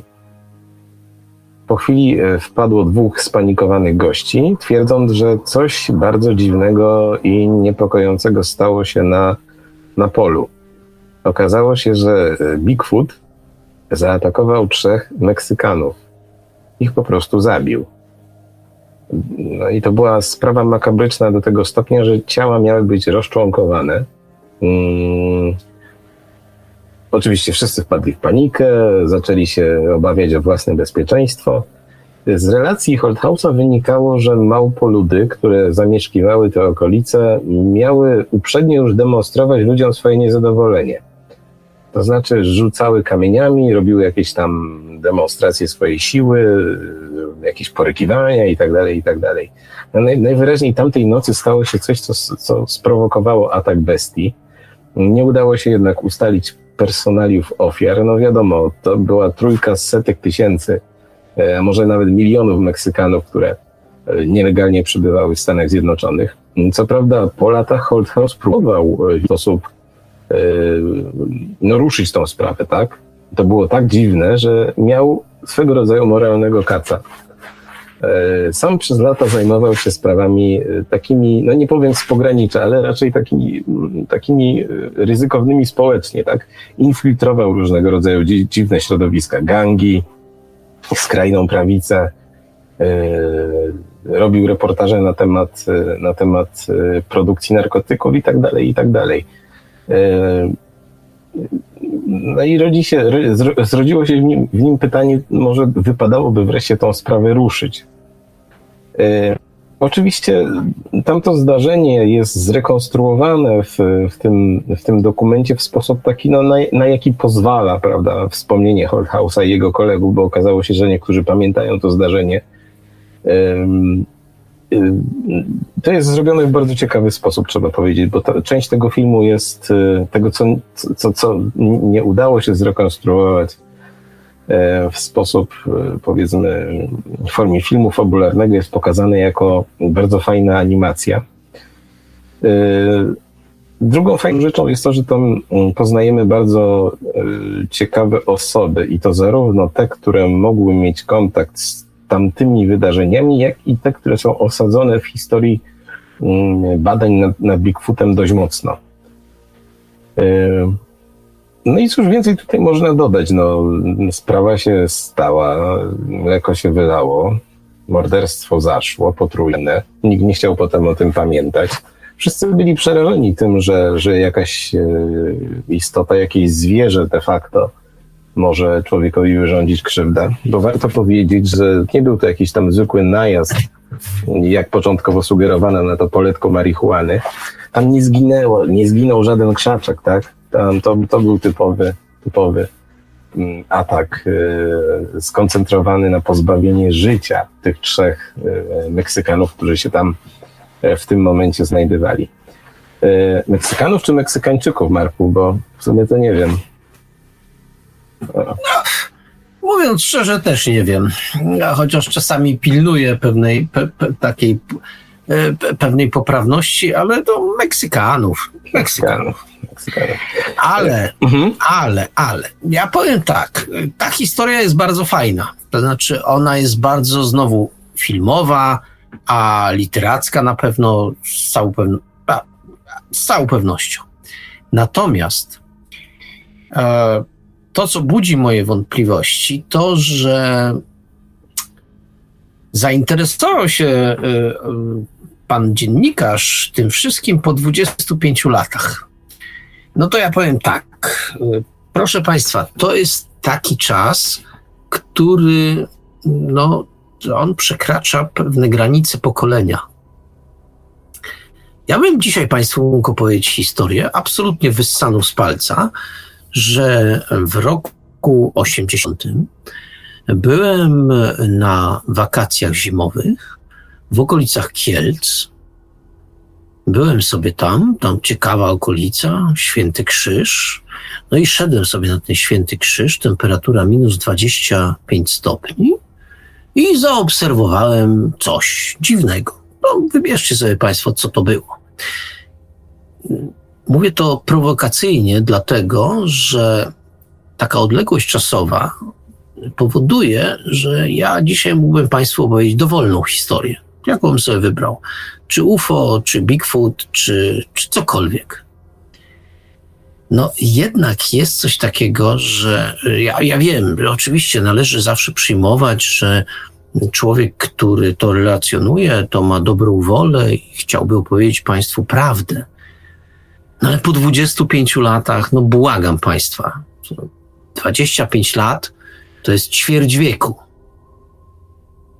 Odtwarzanie tego, co się wtedy stało, próba odnalezienia tych trzech ludzi, którzy zginęli na podstawie tego, którzy, tego że zaginęli, ktoś zaginął, nielegalni emigranci, z Meksyku do Stanów i tak dalej. Po 25 latach, tak, przy, przy tym stanie, stanie y, y, przenikania przez granicę, próba odnalezienia trzech osób spośród milionów, które w tym czasie przez tę granicę przeszły. No, wiecie Państwo, no, to stwarza pozory racjonalności, ale z racjonalnością chyba nic wspólnego nie ma. Bo gdyby pan dziennikarz zwrócił uwagę po kilku latach, no po pięciu chociażby, że coś się wydarzyło, no to ja bym jeszcze był skłonny uwierzyć, że on ma tak zwaną dobrą wolę i rzeczywiście coś chce wyjaśnić. Ale po 25 latach, po, no, po, nawet po 20 latach, to tak naprawdę jest szukanie pewnej sensacji. Gdybym chciał mm, napisać znowu historię, jakieś opowiadanie natury sensacyjno-kryminalno-fantastycznej, to to jest dobra historia. Super. Trzeba by co prawda znaleźć jakieś e, uzasadnienie tego ataku. No ale to, proszę Państwa, od czego jest fantazja? To możemy znaleźć coś takiego. Mm, ta historia mnie nie przekonuje. Ona jest fajna, fajna tak narracyjnie, ale y, ja nie do końca ufam historiom, które są wyciągane po tak długim czasie. Tak, ale to też ma swoje pewne ukorzenienie, bo tam sam Holthaus mówi, że on do tego nie wracał z wiadomego powodu. No, jak on by brzmiał, jakby powiedział, że pamięta jak na farmie yy, farmie trawy ktoś zabił trzech Meksykanów. Y, I on, on to przyznaje w tym dokumencie, że on może pamiętać coś nie tak. A do tego dochodzą różne czynniki. Po pierwsze, oni tam wtedy siedzieli i palili. To jest fakt. Druga sprawa, że 25 lat minęło i tak naprawdę on nie widział tych Meksykanów, on tylko słyszał, że się coś wydarzyło. No i trzecia sprawa, to był jednak półświatek. On nie mógł, um, tym bardziej, że to byli jego znajomi. On nie mógł tak do końca um, niektórych rzeczy poruszać. Także to wszystko jest tam przedstawione. On, on e, powiedziałbym, nie wychodzi tak na waleta z tą historią i to mi się podoba. E, no tak, ale jakbym był, jakbym był takim, e, takim zarządcą plantacji, jacyś trzej by mi podskakiwali, na przykład chcieli większą kasę albo a w ogóle coś by się czepiali i bym ich załatwił jako taki rasowy mafiozo, no, gdzieś tam bym wdeptał w ziemię, e, no to pozostałym wyjaśniłbym, no to na pewno Bigfoot zrobił. No, ja jestem niewinny. Nie klei mi się ta historia. Ona jest fajna mówię, jak się ją przedstawi tak, jak ją przedstawiamy tak ogólnie, to jest ok. Natomiast to, co powiedziałeś, to jest wiadomość, ja nawet nie wiem, czy z drugiej, a właściwie z trzeciej ręki. Mm, słabo to kupuję, mówiąc szczerze, ale historia fajna. To oddzielmy dwie rzeczy. Uh-huh. Y, materiał na film, materiał na, na opowiadanie świetny. Realność historii moim zdaniem bardzo słaba. Ale nie do końca może. Może to jest ta historia, kiedy te wszystkie elementy się tak złożyły, że House był jednak y, czegoś świadkiem. Pamiętajmy, że to się stało prawie zaraz po tym, jak on tam przyjechał. E, I on nie był tam jakimś starym wyjadaczem. Pierwsze, co, to, co usłyszał w sumie, to ta historia o tym, że ten Bigfoot tam grasuje, że robią jakieś podjazdy i tak dalej. Wszyscy o tym opowiadali, a myślał, że to są po prostu jakieś tam, wiesz, bajeczki.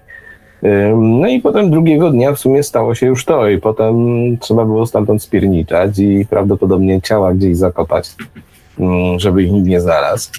E, a pewnie ich w ogóle nikt nie szukał, od tego trzeba zacząć. Jak się potem okazało, że raczej nikogo to nie interesuje, kiedy próbuje się szukać ludzi zaginionych, e, zaginionych imigrantów. No jeżeli zaginął, to zaginął. No, nikt, nikt, nikt go do Ameryki nie zapraszał, żeby go teraz szukać. E, także, także ta historia dla mnie jest naprawdę fajna, fajnie jest przedstawiona. Jest to fajna, fajna, fajna, fajna. Zostanę jednak sceptykiem, bo yy, gdybym był dziennikarzem, takim rasowym dziennikarzem, czasami mam nadzieję, że nawet chwilami jestem, ale dobrze, gdybym był e, w Stanach Zjednoczonych i był rasowym amerykańskim dziennikarzem, to nie czekałbym 25 lat. No dobrze, przestraszyłem się, y, byłem w takim podejrzanym miejscu, y, byłem narkotyki, półsiatek, okej. Okay.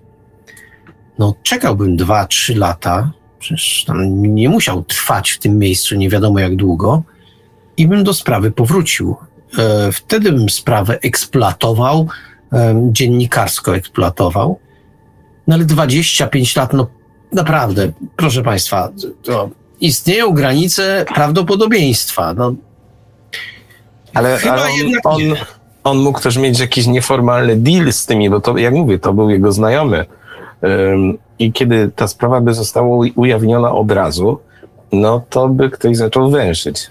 Zacząłby węszyć tym Mendocino, może jakiś FBI. Okazałoby się, że, bo tam on, on jak opowiadał, to w ogóle to jest strasznie zarośnięty obszar.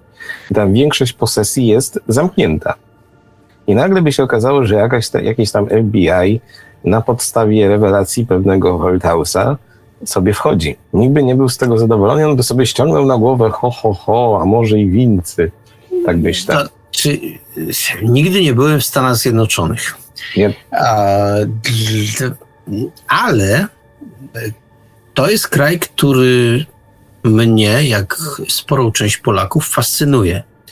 No i z tego co wiem, to naruszenie własności prywatnej w Stanach Zjednoczonych to, to nie jest tak jak w Polsce, że sobie po prostu wchodzi jakaś służba i to my tu weszliśmy, bo mamy uzasadnione podejrzenia.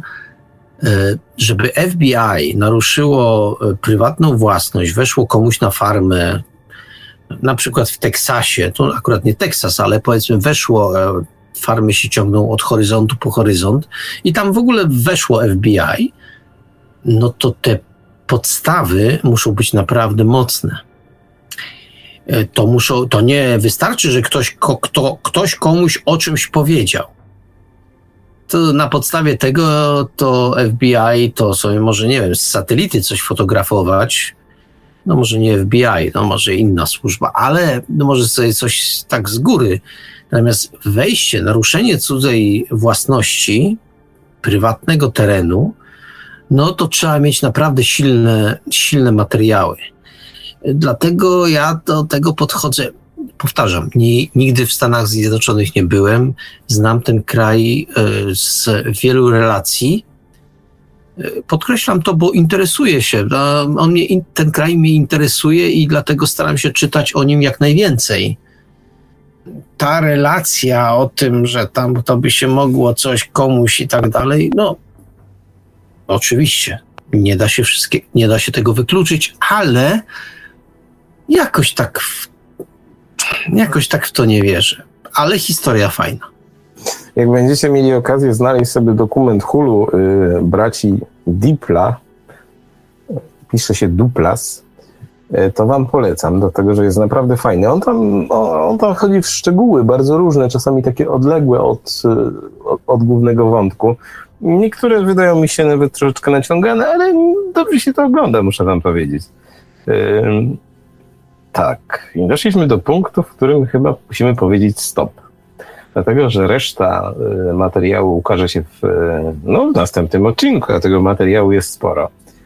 I teraz pytanie, drodzy Państwo, bo tutaj cały czas pojawiają się, y, pojawiają się y, sugestie, że powinniśmy się dzisiaj odnieść do, mm, do tych rewelacji, które napływają odnośnie zastrzelenia różnego rodzaju obiektów nad Stanami Zjednoczonymi, nad Chinami i że to Polsat dzisiaj, byłem świadkiem tego, także mówię z ręką na sercu, Polsat dzisiaj powiedział, wyszedł jakiś dziennikarz i mówi, że biorą pod uwagę nawet, e, nawet cywilizacje pozaziemskie. Otóż tak, e, może za tydzień zrobimy wyjątkowo odcinek debat ufologicznych poświęcony temu, co się obecnie dzieje. Natomiast my Wam musimy powiedzieć szczerze, że my w pierwszym odcinku naszej nowej fali, ta debata się i się chyba ukazała gdzieś w październiku, tak? Chyba tak.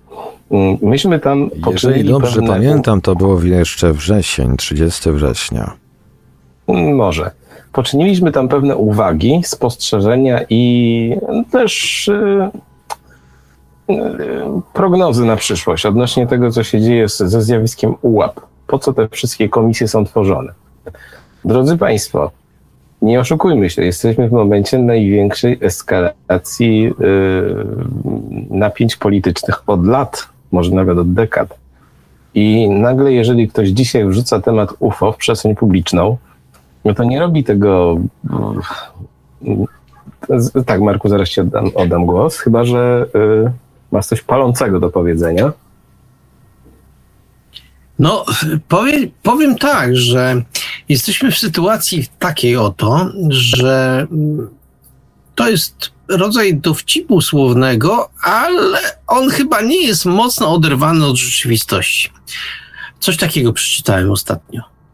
Pandemia już była, wojna jest, czas na inwazję UFO. To w kontekście tych y, sytuacji, o który, które opisujesz, no jakoś tak mi bardzo pasuje. Tak, to, to, to fakt. Jeżeli spojrzymy z perspektywy medialnej, to właśnie tak jest. Natomiast y, bądźmy, i tutaj zwracam się tak z takim apelem o studzenie emocji, to, to, to nie jest żadne, nie są żadni obcy. Dlatego, że od y, co najmniej 6 lat mówi się o projektach badań nad UAP. Jeżeli dzisiaj Amerykanie mówią, że oni zestrzelili chińskie drony, to wy wierzycie, że oni je śledzą od pięciu lat i oni do niego do pory nie strzelali. Tak? To wszystko ma jakiś cel. Nie zapominajcie, że kilka dni temu Biden powiedział, właściwie wyraził gotowość yy, walki z Chinami. Ja nie staję po żadnej ze stron. Yy, ale nagle w ciągu kilku dni mamy yy, wysyp różnego rodzaju doniesień o zastrzeleniu, o zastrzeleniu obiektów, które no, są UFem, są UAPem, no ale Amerykanie nie wiedzą, czym są. Oczywiście, że wiedzą, czym są i wiedzą to od dawna. Po prostu teraz mają, o, o, mają, mają pretekst, żeby do nich strzelać. I tego będzie coraz więcej. I jak, y, nie wiem, czy żeśmy to mówili, jakiś czas temu pojawiły się relacje o tym, że w Stanach pojawiają się takie jakieś dziwne anteny na niektórych wzgórzach. I tam ma przypadków w tym wszystkim, co się dzieje. Myślę, że powiemy o tym za tydzień, ale też w innym kontekście. Bo my tutaj, my tutaj cały czas mówimy o zjawisku UAP, jako jakichś tam jakichś dronach chińskich czy ruskich. Ale mm, wydaje mi się, że gdzieś tam rzeczywiście są tak zwane prawdziwe UFO. Jeżeli nam e, fortuna będzie sprzyjała, jeżeli nam wszystko pójdzie dobrze, to za tydzień spotkamy się w wyjątkowym odcinku debat ufologicznych, gdzie na chłodno ocenimy pewne zjawiska, ale przyjrzymy się też tym doniesieniom amerykańskich pilotów, e, no, których się nie da wyjaśnić e, pogłoskami o dronach i tak dalej, i tak dalej.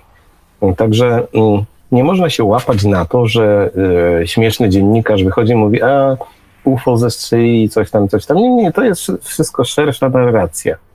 Szersza narracja. Ale, mhm. ale, ale e, warto powiedzieć o tym, że mm, dzisiejsze wiadomości, a nawet nie wiem czy wiadomości, coś co ukazało się w Polsacie, o, mówiły o tym, że, a może to były wczorajsze, to nie jest istotne. W każdym bądź razie mówiono o tym, że coś zestrzelono nad Kanadą, ale ilustracją tego zestrzelenia było zestrzelenie tego, tego balonu chińskiego, który zestrzelono jakiś czas temu nad morzem, nad oceanem. Czyli tak naprawdę nie było materiału zdjęciowego z tego, co tak naprawdę zestrzelono tam nad Kanadą w wyniku interwencji Justina Trudeau. I nie wiemy, co tam się wydarzyło. Czy Państwo naprawdę wierzycie w to, że w czasach, e, w których wszyscy mają przy sobie komórki, wszyscy mają przy sobie jakieś rejestratory, no, no to jest rzecz powszechna owszem, jak y, zestrzelono balon nad Stanami Zjednoczonymi, chiński i w ogóle wraży, to wszystko było ok, było zanotowane, pokazano, jak to, jak to się działo, a nad tą Kanadą nie. A w dodatku nagle się okazało, że to nie jest jedyny przykład tego, że gdzieś tam y, nad Kanadą coś latało. Okazuje się nagle, że gdzieś tam latało w kilku innych miejscach Stanów Zjednoczonych, że lata coś nad Ameryką Południową, że w kilku innych miejscach świata coś lata. No, najprościej powiedzieć, że to chińskie balony, bo Chińczycy nieustannie nic innego nie robią, tylko szpiegują za pomocą balonów. Okej, okay. chętnie w to wierzę, ale też jednocześnie chciałbym zwrócić uwagę, że może niekoniecznie. Że y, to nawet dobrze wygląda, że zaczęliśmy patrzeć w niebo, bo Chińczycy wysyłali jakieś wraże balony szpiegowskie, a tu nagle patrzymy, patrzymy, a to coś nie chińskiego leci. Może to jakiś, jakiś ufok nadciąga, może jakaś inwazja? Ja nawiązuję w tej chwili świadomie, prowokacyjnie i wrednie do tego projektu Bluebeam i do tego, że jak już mieliśmy pandemię, mieliśmy, mamy wojnę, to może czas na inwazję obcych, no i zjednoczenie ludzkości. Wiem, to jest teoria spiskowa.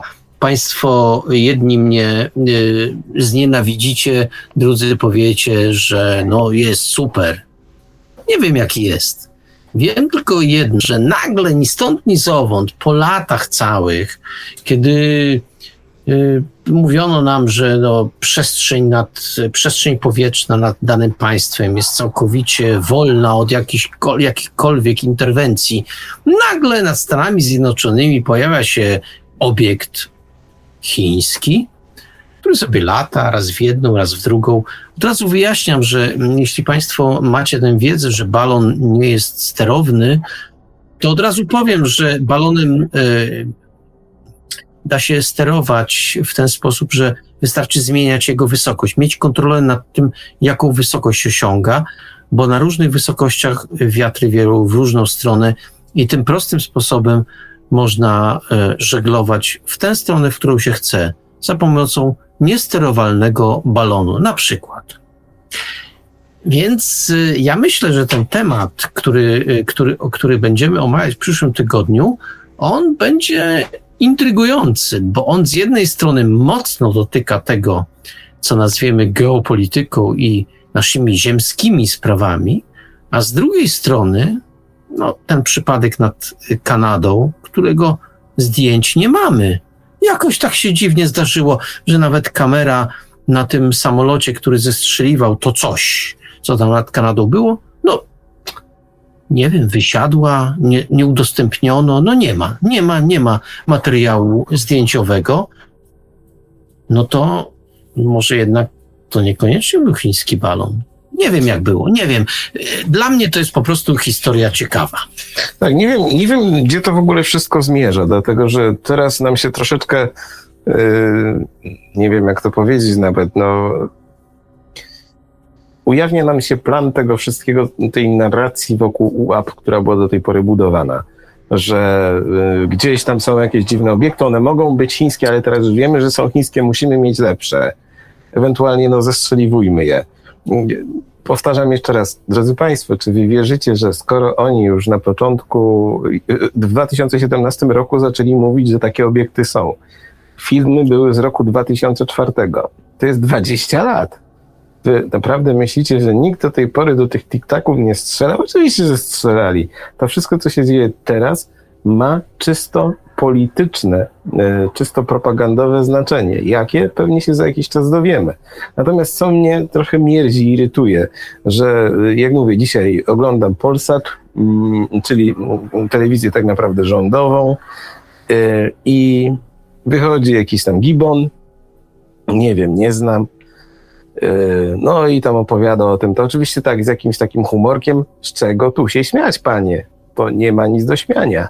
To są poważne rzeczy. Wplątywanie w to obiektów UFO, prawdziwych obiektów UFO, czyli jakiejś cywilizacji pozaziemskiej, może jest jakimś tam żarcikiem, z którym się śmieje pokątnie yy, w siedzibie Polsatu. Yy, I nie wiem, Zygmunt Heiser ma z tego ubaw, na przykład i Krzysztof Ibisz też, ale no mnie to na przykład nie śmieszy. I chodzi mi o to, że to tylko zamąca obraz. Ja powiem wam tak. w tych relacjach, które zostały ujawnione przed okresem wojny na Ukrainie, jeżeli chodzi o na przykład relacje pilotów e, amerykańskich sił powietrznych, czy też e, tych, tych, tej, tego lotnictwa marynarki, są relacje, które wskazują na to, że tam nie wszystko się da wyjaśnić tiktakami, nie wszystko się da wyjaśnić chińskimi dronami, że tam jest jeszcze coś. Zresztą ten Louis Elizondo, który tak też jest postacią trudną do oceny z szerszej perspektywy, mówi wprost, że kiedy on 10 lat temu kończył badanie tego, tych, tych UAP-ów, to też doszedł do wniosku, że niektóre z nich no, wykraczają poza zdolności ziemskich, ziemskiej techniki. E, raczej mi się nie chce wierzyć, żeby to byli Chińczycy. E, dorzucimy do tego mm, nowych, nowych e, teorii za tydzień, drodzy Państwo. E, Ale gdybym układał mhm. narrację, gdybym układał narrację, żeby ludzie w to uwierzyli, to zacząłbym właśnie od chińskich, od chińskich balonów. No sobie zestrzeliwujemy, no bo Chińczycy nam zagrażają, no wiadomo, jest konflikt cywilizacji i tu nie możemy dopuścić, żeby nas Chińczycy szpiegowali i tak dalej, i tak dalej. A tu przez przypadek raz strzeliliśmy do czegoś, to spadło, a to nie było chińskie. To było zupełnie inne. I myślę, że to jest na przykład jeden ze scenariuszy, który możemy rozpatrywać, który za, nie wiem, za trzy miesiące, za pół roku nagle zostanie nam y, objawiony i powiedzą nam, no przez przypadek odkryliśmy coś, co jest niesamowite. Być może oni już tu są, a być może niedługo nam zagrożą i być może powinniśmy się zjednoczyć. Wiem, serwuję Państwu w tej chwili e, jak najbardziej spiskowe teorie, to właściwie po nie, to... Nie, to, to, to, nie jest spiskowa teoria. To jest, nie no, zapraszam Państwa tak naprawdę na przyszłotygodniowy, przyszłotygodniowy odcinek. To jest jak najbardziej, to jest jak najbardziej realistyczna narracja. Um, tylko chodzi mi o to, że to, co się dzieje w ciągu ostatnich dni z tymi obserwacjami UFO, to jest demonstracja polityczna. Może chodzi, ewidentnie, o pokazanie. Może chodzi, chodzi o pokazanie tego, że my dzisiaj wam zestrzelimy balon, ale jak coś, to wam satelitę zestrzelimy. Przecież co się stało w ostatnich dniach? Yy, mieliśmy te wszystkie obserwacje UFO, mieliśmy te pokazy laserów koło Hawajów. Yy, to wszystko jest demonstracja jakiejś siły. A jeżeli się cofniemy jeszcze w poprzednie lata, naprawdę daleko, Pamiętacie te wszystkie dziwne obiekty, które miały latać nad Stanami Zjednoczonymi, które przypominały, tak nie wiem jak to powiedzieć nawet, latające słupy, a pamiętacie te historie o latających dronach, które latały grupami i nikt nie potrafił ich zidentyfikować? To wszystko się wpisuje w, w jakąś szerszą narrację. Dzisiaj się pojawia na przykład informacja o tym, że, że Amerykanie budują sobie tak zwane grupy tych dronów. Swarm to się chyba nazywa które będą, będą nową bronią masowego zniszczenia.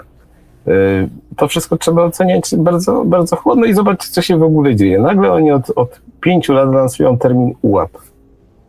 UAP nie, UAP, bo nie ma UFO, bo UFO to głupie. Kiedy przychodzi co do czego, żeby zwrócić publiczną uwagę, używa się terminu jakiego? UFO. To wszystko jest grubymi nićmi szyte, drodzy Państwo. Marku Iweriosie, czy możemy na jakieś 10 minut, kiedy będziemy pr przedstawiać ogłoszenia parafialne, y, uruchomić otwartą linię dla naszych słuchaczy, bo niebawem już kończymy naszą audycję. A możemy, oczywiście. Y, nasz numer, nasz numer telefonu, który będzie otwarty, to 32 746 0008 32 746 0008 skype radio.paranormalium.pl Myśmy się tak wygadali dzisiaj o tych ułapach. Nie będzie o czym mówić za tydzień, ale postaramy się, żeby było. Jak mówię, poszukamy tam prawdziwych historii, których nie da się wytłumaczyć. Przynajmniej takich, które e, gdzieś tam no, nie ujrzały światła, dzienne, światła dziennego tak Mm, jak ujrzały to historię o tym zestrzeleniu czegoś nad jeziorem Huron. Drodzy Państwo, czyli tak, za tydzień prawdopodobnie spotykamy się na tej audycji o tym, co się dzieje obecnie w kwestii UFO. Natomiast, co warto powiedzieć, czeka nas jeszcze kilka, kilka audycji w starym formacie. To znaczy, przez prawdopodobnie kilka tygodni, gdzieś tak do, do wiosny, E, będziemy się spotykać na tych audycjach cotygodniowych w poniedziałek o 20. Natomiast spodziewajcie się zmian w ramówce od wiosny właśnie. Dlatego, że mm, no jak wiadomo, no z wiosną wiele rzeczy się zmienia i będziemy próbowali mm, po pierwsze wprowadzić pewną nową, nową pozycję co poniedziałek, natomiast nasze audycje, te takie dłuższe, e, będą trochę rzadziej. Przynajmniej w okresie wiosenno-letnim, to, to, to nie znaczy, że znikamy. Mm, po prostu musimy troszkę, mm, troszkę nabrać wiatru w żagle. Musimy pozwolić e, naszym słuchaczom, aby wysłuchali do końca tych, tych audycji, których nie mieli czasu dokończyć. No ale cały czas z Markiem też działamy w radiu Paranormalium w audycji Bibliotekarium, prawda? To prawda. E, w najbliższym bibliotekarium będziemy mówili o filmach, które uśmiecham się, e, które koniecznie należy omówić tak ogólnie powiem. Może ty, Piotr, coś dodasz? No ja powiem tylko tyle, to co mówiłem w tamtym tygodniu podczas nas naszego przeglądu nowości, że jest y, taka kwestia, którą często się podnosi, czy ambitnie zawsze znaczy dobrze. I my z Markiem przyjrzymy się w y, bibliotekarium w piątek y, kilku filmom, które są ambitne, które miały no, wysoko postawione poprzeczki. E, I są to względne nowości, ale wyszło różnie. Mm, bardzo różnie, prawda? Oj, bardzo, bardzo różnie. Mm, ja sądzę, że. Znaczy inaczej. Ja, jak sobie oglądam film, no to mam pewno różne oceny, ale no, ja głupi jestem, w związku z tym, tak jak często to podkreślam, e, nie jestem specjalistą od filmów nie jestem specjalistą od filmowych narracji, no to lubię sobie swoje spostrzeżenia skonfrontować z tym, co przeczytam u innych mądrzejszych, a w każdym razie bardziej wygadanych ludzi. No i powiem Państwu, że to, co przeczytałem na temat filmów, które y, omówimy w piątek, to jest spektrum. Od absolutnych zachwytów, po prostu takiej, że to jest takie artystyczne i to jest takie wspaniałe i to jest po prostu genialne. E, po takie sądy, których nie mogę Państwu przytoczyć, bo obojętnie jaka jest pora, kiedy Państwo tego słuchacie, to słowa użyte dla opisu owych filmów nie nadają się do przytoczenia. Ja tego nie zrobię. Aczkolwiek chwilami zastanawiam się, czy ci, powiem, hejterzy albo tacy nieprzychylni recenzenci, czy oni chwilami jednak nie mieli racji. No tak się zastanawiam. No bo to, o czym będziemy mówić, wykracza troszeczkę poza granice tego, co ja lubię najbardziej w filmie, czyli pewnej narracji, pewnej opowieści, która się toczy, jest raz lepsza, raz gorsza, raz e, bardziej nas porywa, raz mniej. To jest oczywiste i ja trudno, nie mam nigdy, prawie nigdy nie mam o to pretensji. Natomiast jak już wchodzi e, do puli artystyczność, ambitność, to tak jak Piotr powiedział, okej, okay, nie mam nic przeciwko, tylko zastanawiam się, czy we współczesnym kinie te słowa nie zostały pomieszane z czymś zupełnie innym. Bo mnie artystyczność, pewna głębia filmu kojarzy się jednak z tym, że ona tam rzeczywiście jest. A bardzo często zdarza się ostatnio, że ktoś mi mówi, no zobacz, zobacz, zobacz, jest, jest, no patrz, patrz, jest, jest, ambitny, no. Zupełnie się nie da tego oglądać, głupie, nudne i w ogóle bez sensu, ale jakie artystyczne. No tak, to właściwie już dużo zdradziłem. No ale tak naprawdę o tych filmach porozmawiamy sobie w piątek. Tak. Zapraszamy, zapraszamy Was też do y, tego odcinka, który był w ubiegły piątek, i tam e, pojawił się między innymi Michał Stonawski, autor książki Paranormalne egzorcyzmy. Mm, natomiast my w Filmotekarium zajmowaliśmy się tam kilkoma nowościami, między innymi e, egzorcyzmami siostry N, o których była mowa. Omówiliśmy też taki nowy film science fiction, Coś tu jest, on się nazywa chyba tak, w wersji oryginalnej Something in the Dirt. E, Także zapraszamy Was do bibliotekarium. Znajdziecie je na kanale Radia Paranormalium. Jeżeli ktoś miałby do, do, do Marka albo do mnie jakieś, jakieś uwagi, komentarze, cały czas czekamy. Nasze e-maile znajdziecie sobie pod spodem, pod audycją w opisach. Czyli jeżeli nikt do nas nie dzwoni, powoli będziemy się z Wami żegnać. Y, za tydzień zapraszamy na tą audycję wyjątkową, bo mieliśmy zrealizować 10 odcinków w jednej serii Obić Nieznanego, tak jak zrealizowaliśmy nową falę debat ufologicznych, ale to, co się dzieje na świecie, nam troszeczkę, troszeczkę przeszkodziło. Także yy, za tydzień wyjątkowo, wyjątkowo przemieszamy tą naszą kolejność i spodziewajcie się naprawdę ciekawych rzeczy. Dlatego, że nie będziemy, może my się powiemy tylko parę słów o tym, co się tam naprawdę dzieje, dlaczego ktoś ten obraz za, za, za, za, za, za no, zakrywa. O. Zapodał nam. Tak. Dlaczego ktoś ten obraz zamglewa I, i, i, i, i tak dalej, i tak dalej. Natomiast, jak mówię, y, tam gdzieś daleko, daleko, w głębiach tych relacji są takie historie, że na przykład y, ktoś z pokładu bodajże śmigłowca obserwował, jak torpeda zostaje nagle wciągnięta pod wodę przez jakiś dziwny obiekt. I tych relacji anomalnych jest naprawdę dużo. Te tiktaki, te, te chińskie balony i tak dalej, to jest tylko jedna część. I ja chcę osobiście wierzyć, jak Fox Mulder, że tam jest jeszcze coś więcej niż tylko chińska armia ludowo-wyzwoleńcza.